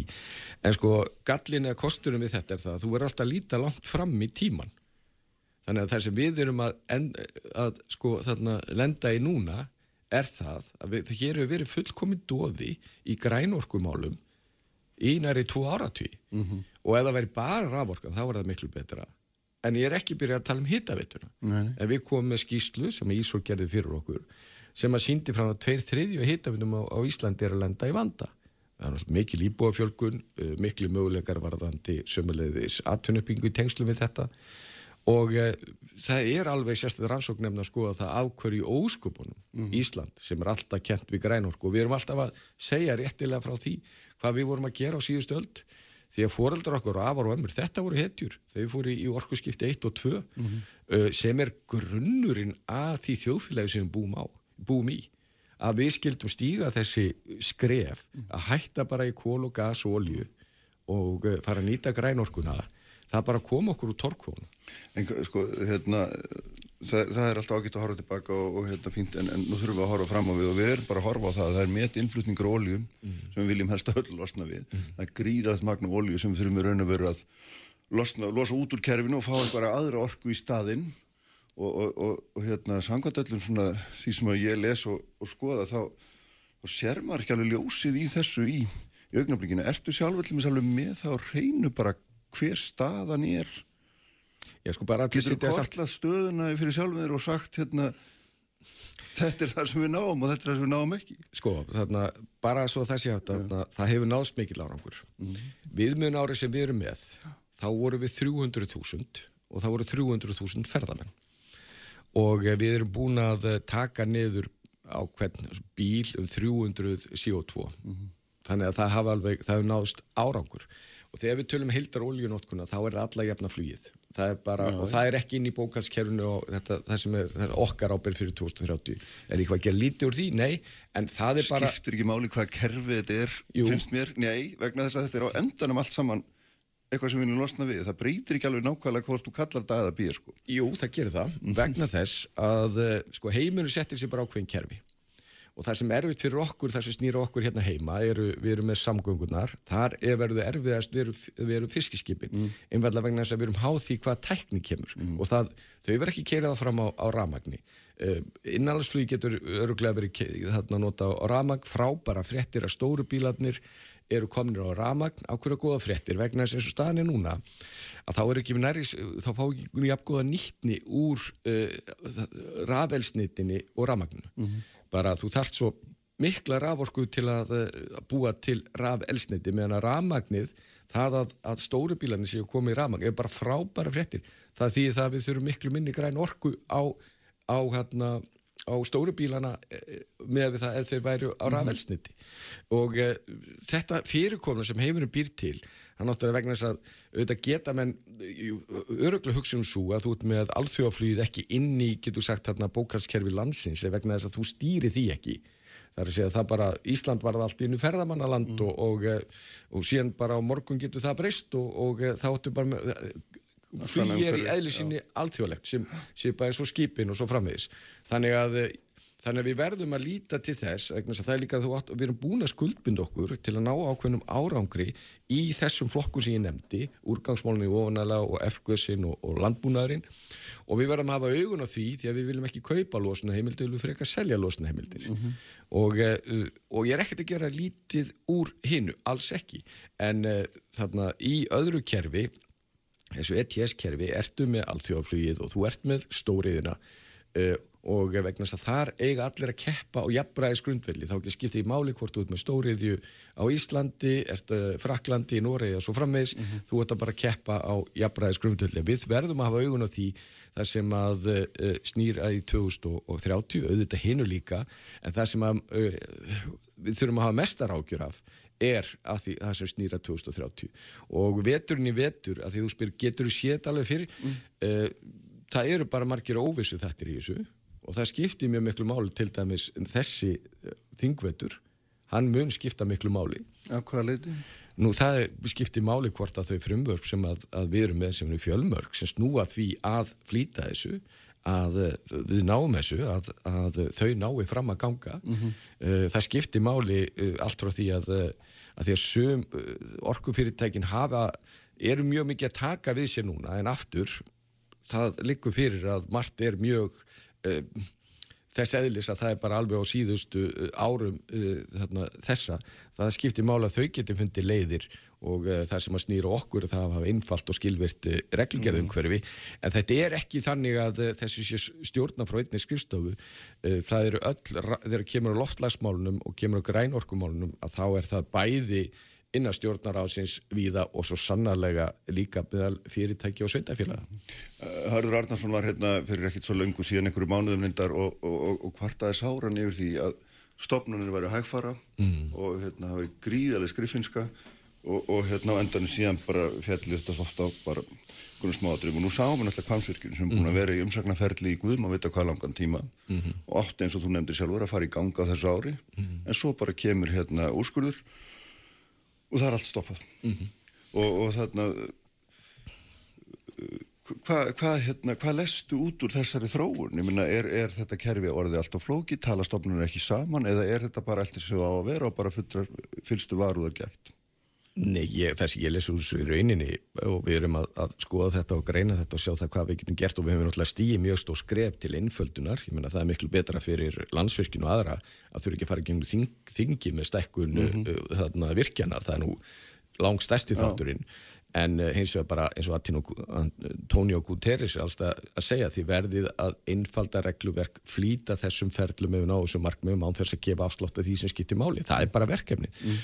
og uh, við erum alveg mjög einbett í því, til þess erum við að uh, samina stopnarnir því að ef þú lest í gegnum þetta séð það þá er, hefur verið misbrestu þar þegar kemur á á samskiptum millir stopnan og svo fram í stóra máli bara þetta, það er eins og við séum, það er svo langt séum við gert þetta að við bara erum svolítið búið að gleyma þessu sko. Við komum núna á æfingu að virka með öðrum orðum. Já, það má bara segja það og, og uh, þar, uh, ég ætla ekki að, að, að uh, fara að skamma einstaklega orku fyrirtæki eftir þess að þetta snýst ekkert um það því eins og þú bendir réttilega á að við getum eitt einhverju tíma í eitthvað slíkt aðalatrið það bara hvað getum við gert betur til þess að uh, við náum þessum markmiðum því að við munum, og jafnveg þó að hefði ekkert með, loft, með loftlagsmarkmið að gera þú finnur engan á Íslandi, ég er búin að leita ég er búin að spyrja held í öllum fundu hvort að einhvern veginn fundist að vond hugmynd að fara í orkuskipt 1 og orkuskipt 2, mm. ég hef ekki fundið að þá neitt það er bara grunnun okkar hagsælt mm -hmm. og uh, þegar við erum, og við skum átt okkur líka það eru, þetta snýr ekki bara þessu, ég held við það sem að sko við erum líka bara það að Breimborg og IKEA sé að nota byrtuorku eða sólarorku það er bara auðveldar hlutina. Bara ég þekki nú ágæðlega til að því ég rætti þetta við eigundu Breimborgar þeir eru með sítrón húsinu er þeir með þarna Uh, þarna sólarorku ver uh, og þeir geta ekki sett á hitt vegna sem hús er ekki byggt þannig. Mm.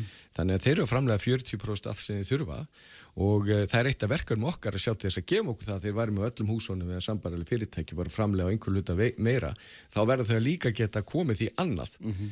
uh, og bara svona sem dæmi marga þjóðir eru komna miklu, almentur þjóður komna miklu lengra hvað þetta varðar ég veit um einstakling í, í Þískalandi, Íslanding sem að uh, hann er með einbílishús og framlega mikla sólorku og stundum getur hann gefið börnunum sínu sem bú annars þar í Þískalandi orkuna mm. og við eh, þannig að eh, það, við verðum að hugsa um fleira heldur en bara vatn og jarðvarma og uh, það lítið skipti líka máli ef að all fyrirtæki gerði eins og, eins og þessi sem ég nefndi á höfbruksvæðinu, það ætlum við verðum ekki orkulutlaus á höfbruksvæðinu, ég ger ráð fyrir því mm. Þannig að og uh, þannig að og öll sveitafélag þurfa að líta til þess að það er ekkert sveitafélag sem mun tapa þau í framtíðinni að hafa uh, aðgangað að grætnorku, það liggur alveg fyrir. Og þetta er ekki eitthvað sem að þú miðstýrir frá einu stað, það verður allir að vera með augun á þessu og reyna að mhm. finna lausnir því að það eru fáir ef nokkurir sem eru jafngóðri stöðu og við Íslendingar þegar nárangur í þessu. En við erum, það hefur verið spekileg hérna ja. og við erum ekki að nýta tækifennin sem félast í þessu. En það er samt sem aður, þannig er það ekki að, að, að alla rannsóknir sína það að miða við orkuskipti fjölgun, fjölgun í samfélaginu aukir umsvið eins og við bara er óhjákvæmileg samfara því það þarf að framlega miklu meiri orku. Alveg það er sá punktur sem ég er svolítið að reyna að koma að hjá þér að, að það er það sem maður sér ekki að gangi upp í augnablikinu. Það er það sem ég er búin að vera að segja núna heldur frá, frá því tók við sko. en uh, við getum að og er staðan bara frá því þú tókst við hún er óbreytt að þessu leiti Nei, alls ekki. Nei, fyrir utan þetta stækkun, ég er að menna þá í... Nei, ekki stækkun, bara ramminn. Þú, mm. þetta er, það er kistan, er rófinn. Þú ferð úr því og aftur sín til... Hvað, akkur eru þá talsmenn orkufyrirtæki að tala um orkuskort ef kistan er rófinn? Vegna þess að er, það tekur tíma að búa til mm. virkjanir. Það líkur... Já, áttum að því. Já, og hérna þannig að sko, þetta er ekki þannig að ég að, ég að þú ítum og takka og það er komið virkjun og uh, þess vegna og það er Er, þetta er ekki miðstýrt þannig að það sé eitthvað eitt fyrirtæki sem bara sjá okkur fyrir orku og það bara verður þurfa að, að gera og græja það. Mm. Þetta er flóknari mynd og það eru miklu fleiri sem geta komið að þessu heldur en áður eh, sem er mjög gott og það er allt frá því að uh, þú bennir að búa, uh, sumur að virkja bæjarleikin og aðrir eru bara að nýta sólororku, vindorku, ímislegt annað mm -hmm. og ef þið framlega meira heldur en þau þurfa þá geta þið sett inn á, inn á netið Uh, þetta er bara eitt af því sem ég er að vekja aðtikla á vegna sem ég hef tækifæri til og vonast þess að við sjáum hlut, eitthvað gerast þar eða meira heldur en að gerast núna og það hefur ekkert að gera með hvað ég ákveð heldur bara að menn hafa alveg leiði til þess að gera það núna en okkar verkefni að sjá til þess að menn geti komið sinni orku inn á, inn á kerfið en uh, síðan erum við að vinna í því við erum búin að gera gríðarlega mikið eins og ég nefndi það búin að þannig að rafminni loksins fari í gegn er næri tíu ár. Uh, stekkunafrumvarpið, uh, orkuspartnaðafrumvarpið við erum að fara með frumvarp í haustum einföldum stopnana til og við erum að vinna í því að geta haft aðeins innfalt og skilvirt þetta leifisveitinga ferli eins og þannig að það, þessi hlutur allir á flegi ferð en við þurfum að gera betur og okkur liggur gríðarlega á En er samstæði ríkistjórninu um öflum grænar orku því að maður hefur nú stundum á tilfinningunni að, að svo sé ekki? Já, þessi ríkistjórn er búin að gera meira í þessu málum heldur Já. en uh, bara margar undanfarnar undan. En held að þetta verkinn tali. Þegar að skýslan kom út sem ég mann ekki hvað heitir sem að Vilhelmur Eilsson var í forsvari fyrir, Já. þá var hann hér á som tingflósformann í Vinstri Græna. Mm. Þess að þið tókust mjög harkala á um það. Mm. Hvort, uh, hvernig hérna menn ættu að horfa á það orku sem til í landinu í hvað hann væri nýtt og hvort að veri ástæða til þess að abla nýrar. Það er alveg augljóst að Vinstri Grænir hérna, eru bara alls ekki á þeirri leið að við þurfum að endilega meiri orkuöflun heldur að sé betra að nýta um þá orku sem fyrir er með öðrum hætti. Já, ég ætla svo sem ekki, er ekki talsmaður nefna annara, sko, þannig að... Eh, Nei, þú þekki þannig ágringalega vel og ég. Já, en ég svo að leikur fyrir að verkinn tala mm -hmm.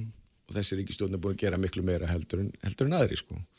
Og e, ég veit ekki hvað menn er að fara í að nýta orkuna með einhverjum að hörum hætti, ég veit ekki hvað menn er að tala um þar. Nota e, minni stóri held ég sé almáli. Já, ok, förum bara aðeins yfir það. Mm. Segjum að við myndum uh, lokastóri sem að ég veit ekki hvernig við ættum að gera því að það vantilega, og myndi kosta ríki mikla fjármunni að það fari ykkur að slíka.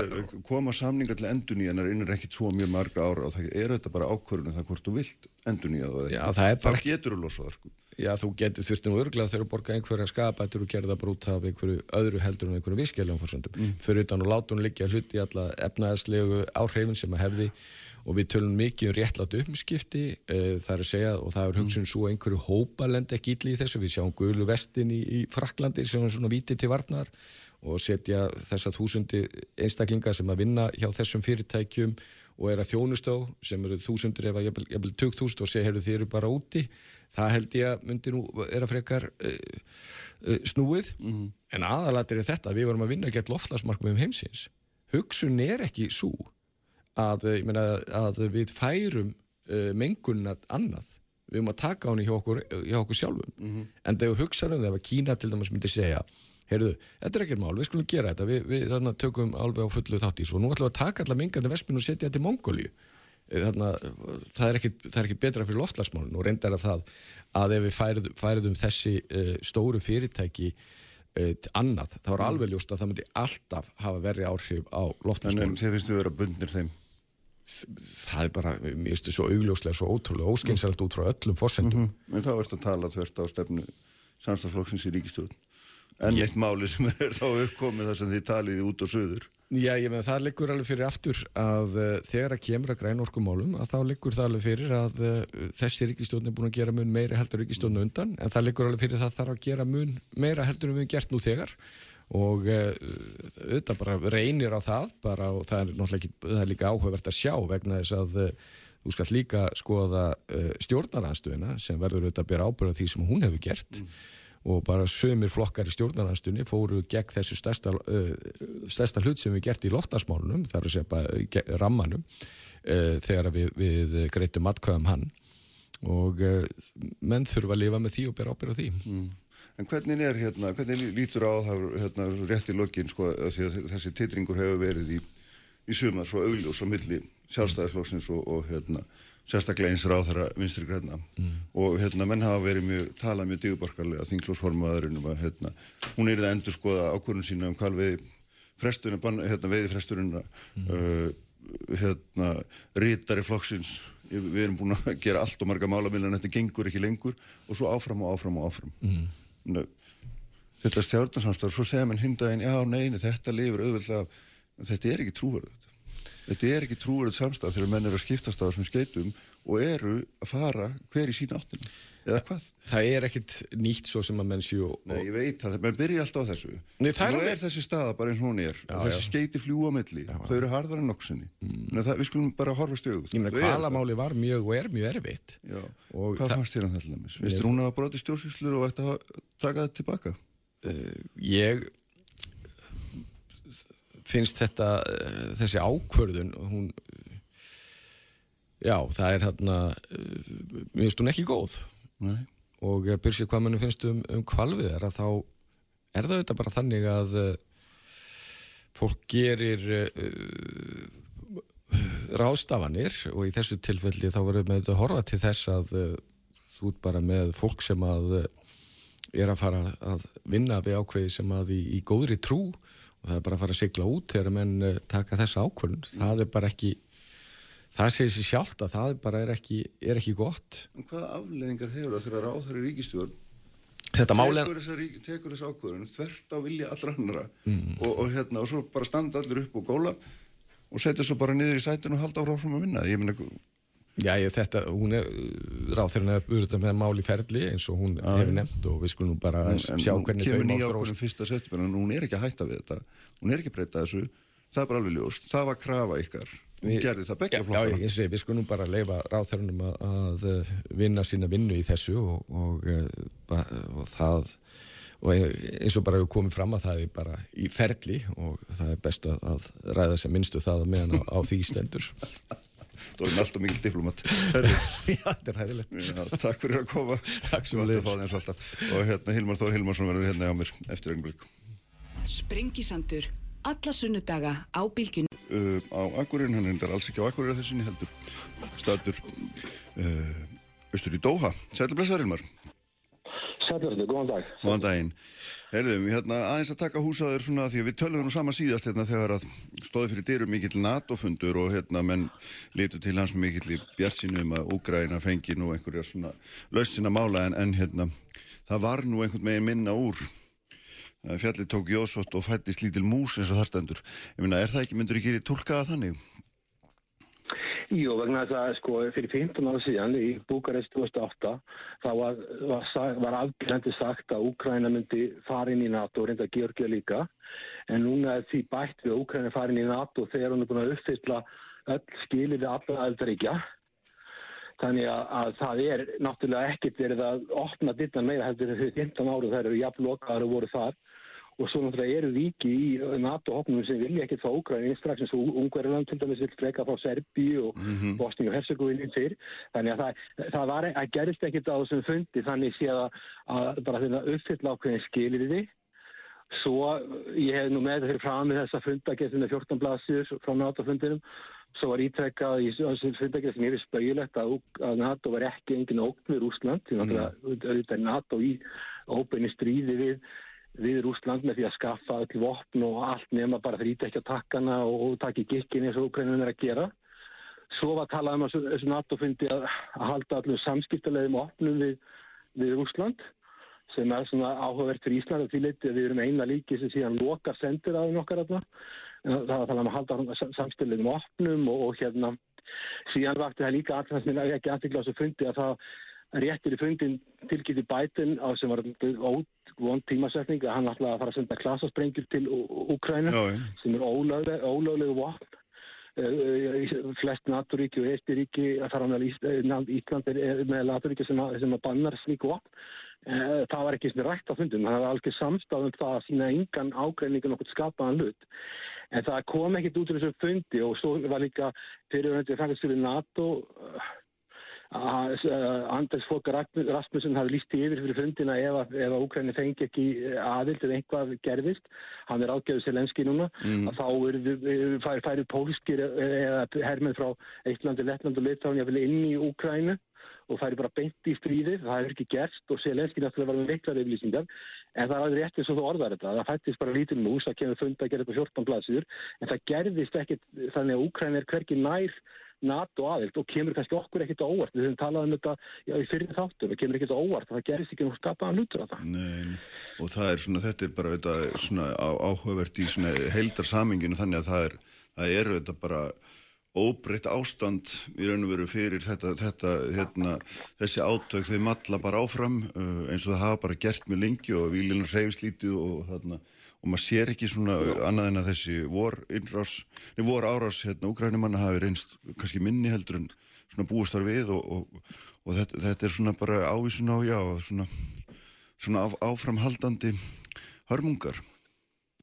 Já, sko það er að það kemur ekkert svona óvar kannski að þessi, þessi innrás, þessi gagsóð skil ekki miklum árangri. Það eru margar ástæði fyrir því. Sko að hérna fyrsta lagi sko ef að gagnar og sitt virkaði litt best ef að, ef að það koma anstæðingum á óvart. En þegar þú ert búin að hamra á þessu í marga mánuði í stættu fjölmjölum heimsins að það sé að koma gagnar ás að þá náttúrulega býr anstæðingu þessu undir það. Og þeir eru búin að búa, úrústar eru að gerða výlinu sko, með því til dæmis að ef þeir hafa sprengt þess að vassfallfiski sem var sprengt þá styrtaði výlunina úr fúsund í 600, 600 kilometra og svo eru þeir búin að setja jarðsprengjur þarna, jarðsprengjubelti og svo kallar dragontís og, og skurði og alls konar hluti þannig að það er mjög erfitt fyrir Úkrænum að komast þarna í gegn og, hérna, og þetta er reynst en erfitt að gera þetta og það, það kemur heldur í sjálfsveikt og óvart.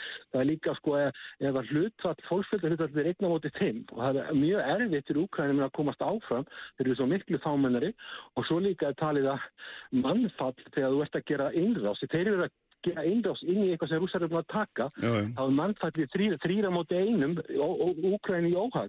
En þetta er óbúinlega erfitt mál og svo þar að auki að þá, þá hérna, tilkynnti bæten fyrir hérna hefði tilkynna það ofnbelli að Vesturlund sé að vera búið með það sem er kallað ammunition. Þeir eru búið með svona eldflöðar og, og lottarna kerfi allt eldflöðar sem skjóta niður eldflöðar á Rúslandi. Þeir eru að vera búið með þetta og rússar vita um þetta.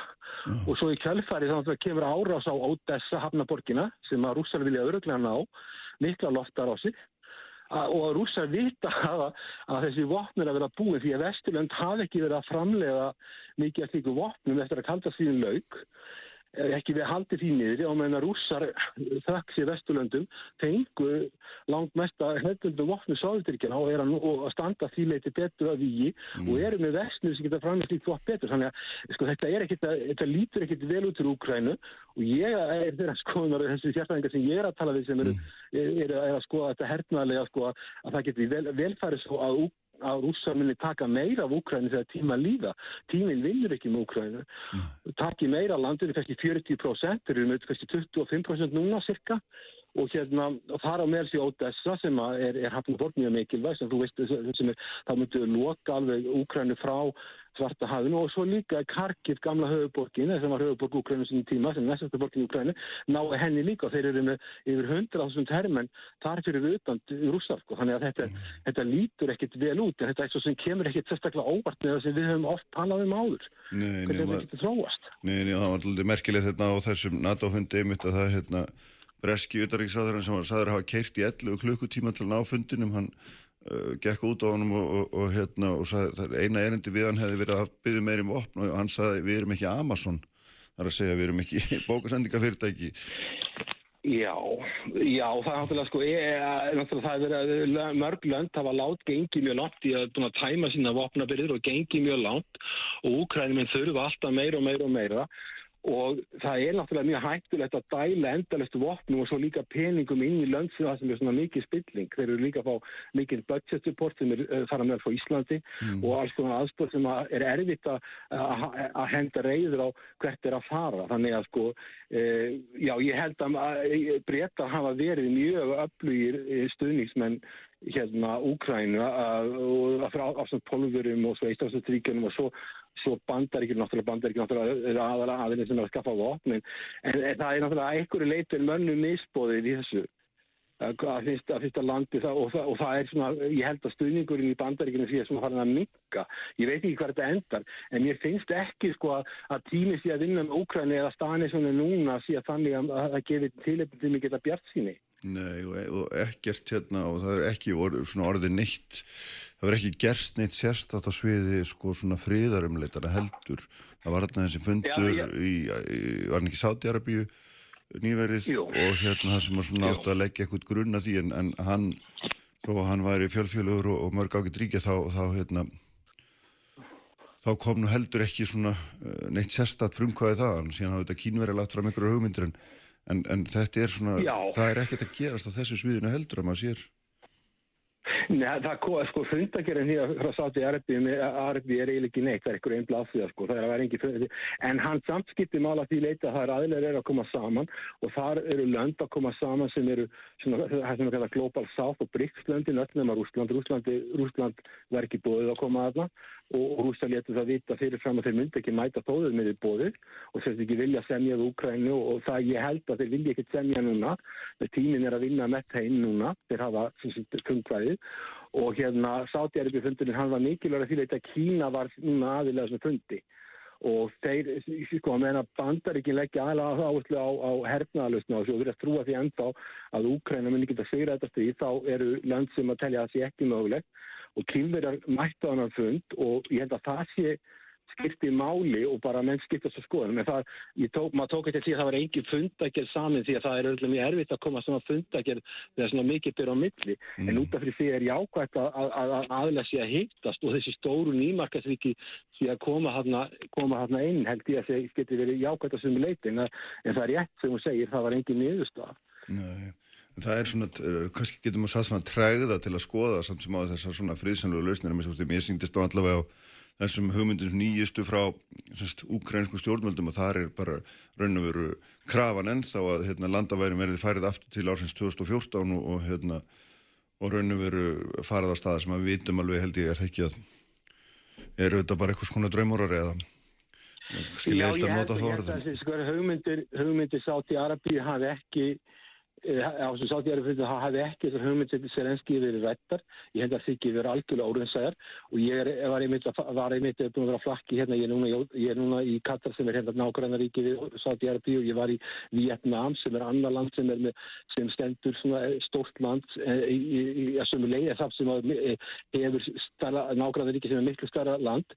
Og þeir í, í Vietnam tala þeir mikið í sínum auðvitað sem að það kalla pragmatism, raunsægi mm -hmm. og það er það sem að bæði Úkrænu eh, skortir algjörlega í þessu öllu saman sko, raunsægi og líka Vesturlöndum að, að, að sækjum aðild að ESB og NATO var óraunsætt að sækjum aðild að NATO fyrir 15 var óraunsætt. Og, og afleðingarnir eru þær og svo líka hugmyndinu svo að, að Ókræna getur unni stríði var, var alltaf óraunsætt. Og svo líka áðurinn að svo líka þessar viðskiptastringanir sem var, var greipið til gripið til, til að hjálpa Úkræni, Vesturland gripið til, þær voru líka óreinsæðar, þannig að það, til þess, tökum bara til dæmi, það er ekkert Afrikuríki sem tökur þátt í vískiptaþýrkunni geður Úslandi, það er ekkert Sturafnökuríki, það er ekkert ríki hérna í, það sem ég er núna í miðasturlöndu sem tökur þátt í þessum vískiptaþýrkunum, það eru þrjúlönd í, í, í Asíu, það er, eru Japan, Suður Kórea, og Singapúr ekkert annað land. Þannig að flest lönd í heiminu taka ekki þátt í þessum viðskiptaþingunum og sumland, þau eru eins og Vietnam, stjórnult þar, er, þau eru óanæg með það að rúsaskildir ráðast inn í Ukrænu en þau eru mjög pyrrið út í Ukræna að hafa farið út í óreinsaðar hugmyndir og reyna að framkvæma óreinsaðar hugmyndir á, á, tím, á, á vondum tíma og, og afleðingarna náttúrulega eru eins og það eru. Við sjáum það að það verður eiginleika landi og eins og þú ert að benda það er ekkert í sjónmáli neilust á þessu. Mm. Já, nákvæmlega. Og þú getur, getur ímyndað þess að Vietnam sem er um Norðurlandamæri við, við, við, við hérna, uh, Kína. Þetta er land með 100 miljónir manna og þeir, þeir fara mjög varlega. Þeir, það, það er fara að bjóða þeim á G7-fundi mm -hmm. sem eru ríkust í ríki heims. Og það er verið að reyna að daga þannig hvað sem er bandalag Indlands, Japans, Ástralíu og bandaríkjana þeir passa sér mjög vel að fara ekki í neinn formleg vartabandalag þeir eru í sýrbæri stöðu Ukraín þeir eru með Norðurlandsamlega við land það er 14 sem er starra land. Og þeir vita alveg hverju afleggingarna því verða. Það er að segja, ég Eh, hefur verið með mjög óraunsægi auðverkistefnu og þó að segja við viðlýslinga við fordæmum innrás rúsa í Úgrænu og við, við þetta er ólöglega innrás en þetta, var, þetta óraunsægi hefur orðið þeim að sér dýrt og þessi þjóð, ég var, ég var að tala við fyrir ég hitti fyrir um afstöður auðverkistráður hann var að lýsa fyrir mig stefnunni og ég verð að segja alveg sem þegar ég er heima og maður er að tala um þessi mál þá er maður ósamala ansið mörgum. Já. en þegar maður er komin til Asju þá er maður að, ég er að tala við aðstofur uppverkið að ég er samalónum í 90% tilvægum af allt sem maður segir. Uh -huh. að svona lönd sem eru svona á milli, lenda að lenda á millistoflölda þau geta farið mjög illa og það þarf, það þarf að aðeins að passa sig. Já, og þetta og er auðvitað staðan sem að Já, Ég segi þetta er auðvitað staðan sem Úkræna er í hún er, er að kremjast þarna á milli Vestuveldarna annars vegar, hvað, hvaða nafni sem við viljum kalla það, NATO-ríkjana, Vestuveldarna og svo, svo Rúslands á, á hinn hin, hin, hin bólinn. Já og það er sko, málið það, að það er spurningin, sko, fyrir Úkrænu skiptir mestu máli að hérna, að, að ná sínu landi tilbaka, að halda sínu sjálfstæði og svo uppbygging landsins, það er það skiptir þá mestu máli. Ef þú það sko á bandaríkinn, þá eru þau kannski að hugsa um það aðalega veikja Rúslands stórveldi og þannig það er önnur markmið og kynverðar hafa verið með fríðarsamkómulag tilögur af fríðarsamkómulag sem er reynda mjög óljóst í það að tala um að territoriðin tekit í að Úkræna er að halda sem í landi mm. en það er ekki sagt hvort að þeir eru að halda því sem er búið að taka af þeim formlega sem rúsar eru búin að taka, taka, taka af þeim það, og, og svo er náttúrulega líka staðan þannig að kynverðar eru í þeirri stöðu að þeirri þá er, allt, er ekkit, ekkit verra að þetta stríð sé í gangi vegna þess að að það dregur aðfylgli bandaríkjana frá Östur-Asíu því það náttúrulega eru deilur. Og við vitum út af Tævan og svo náttúrulega Suður, Suður Kína hafið mikið deilt um það. Kín verið að kalla það Suður Kína haf og meðan Vietnám kalla, kalla það Östur Vietnám haf. Og það eru mikla deilur þannig að út af fyrir, fyrir kínverðina þá er, er, er, er þetta ekkit verið að þetta haldi áfram. En, en ég segi þá er þetta þetta óalega skrítið og svo líka staðan í Evrópu mjög þörfulega því leiti að að þegar þeir eru að fjalla, fjölmjölar að fjalla um þetta mál, þá er okkur sagt frá tveimur staðhæfingum um stríði í Ukrænu, mm -hmm. annars við að það að Ukrænumenn getur unni stríðið, sem er einn staðhæfing, sem er raungstaðhæfing held ég, og svo hinn staðhæfingin að, að, að, að að, að Evrópi standi ókn að, að rúsum allir Evrópu þess vegna fyrir allir Evrópa lífa og það sem er að gerast núna og þetta er svolítið sérstaklega þetta gengur ekki upp og, og svo það sem vekur líka mína aðtíkja þegar maður er að tala við fjölmila og hérna og hlusta á fjölmila fjallum þetta mál að þeir sem eru svona álitskjafar NATO og bandaríkina í, í þessum málum eru mjög mikið eh, hersöðingjar fyrir mm. hersöðingjar mm. sem náttúrulega eh, sjá ekkit annað en hernaðilega lausna á málum því að það, það sem það hafa lært og það sem það hafa tjálfæðið til og hérna og svo náttúrulega fyrir það að margir eru með ágjáðarsamlinga við herrkarnaframluðendur. Mm. En það sem maður segir með fundin í Sáti Arbi var það að þessi lönd sem er að koma alltaf fram eins og Kína, Brasilia, Suður Ameríka og Indland, þau vilja fá diplomatiska löst. Sko. Mm. Þau vilja diplomatiska löst. Þau vilja ekki herna áfram. En ef að þú talar um diplomatiska löst í Evrópu, þá ertu ásakaði fyrir að vera hlyttur úsum og Putin. No. En svo, svo við förum aðeins bara rétt í lokin aftur innan NATO-fundu vegna það er, það er einhverju yfirlýsing svona kannski láðmöldulega eins og þú saðir um, um, um svona samstöðu með Úgrænu. Það er þó, þó að hérna það hefur ekki, þetta náttúrulega gekk aldrei svo langt að hérna að, að Úgrænuminn getur treyst á að, að árás á það, ríki væri árás á öll það eins og það kannski var svona stærsta óskynni en, en það er nú samt sem áður einhver svona, einhvert orðalag um um hérna varnar skildu margra ríkja þarna? Já, það er náttúrulega sko auðvitað eru mörg lönd sem stiðja Ókræn og sem lönd eru til þannig að tala um það að senda herrmenn í þetta stríð sem er mjög hættulegt eins og þú veist. Og til dæmis Pólver er að senda 10.000 herrmenn að landamærum Kvítarúslands. Þetta er mjög eldsind ástand. En sko artikul 5 garantí sem að það er náttúrulega ekki hægt að veita Úkræn þegar ég held að við sem Selenski átti sig á því. Hann hefur viljað fá tímatöflu alltaf, hann hafði fengið hann. Sko. Þetta var algjörlega óriðsætt. Það sem að, svona, það sem að mér hefur alltaf fundist við Úkrænu, hún átti fyrst að sækja um aðelda erfusamöndinu áður en hún fór að hugsa um NATO, mm. eins og Finnland gerði. Þú sér að Finnland sækir um aðelda NATO, er það svolítið ekki falla Sovjetingi fallið 91, þeir eru komin inn í Erbjörnsson 95 og þeir taka það fyrst og svo taka NATO við mjög sérstakar aðstæðar þegar rústar viljast vera veikir í stríði Úkrænu. Mm. Úkræna tekur forgámsverðinu algjörlega rátt. Sko Úkræna er með association agreement við, við Európa-sambandið. Það var byrjuð á, á Európa-samruna ferli.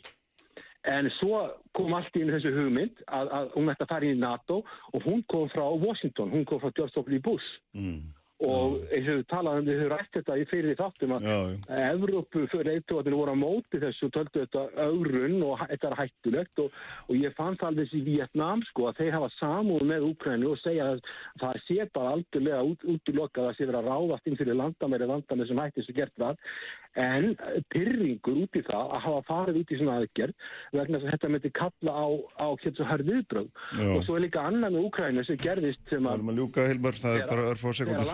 Já, mm. já, þegar landið verið sjálfstætt þá hefði það átt að verða federal state þar sem að, að rúsnekki meirilitin hefði meira sjálfstæði. Það var ekki gert. Nein. Heyrðið, það er bestu þakki fyrir þessa fróðlu yfirferð eins og alltaf og hérna við heyrumst aftur við gott tækifæri. Takk. Takk fyrir að vera með mér í dag.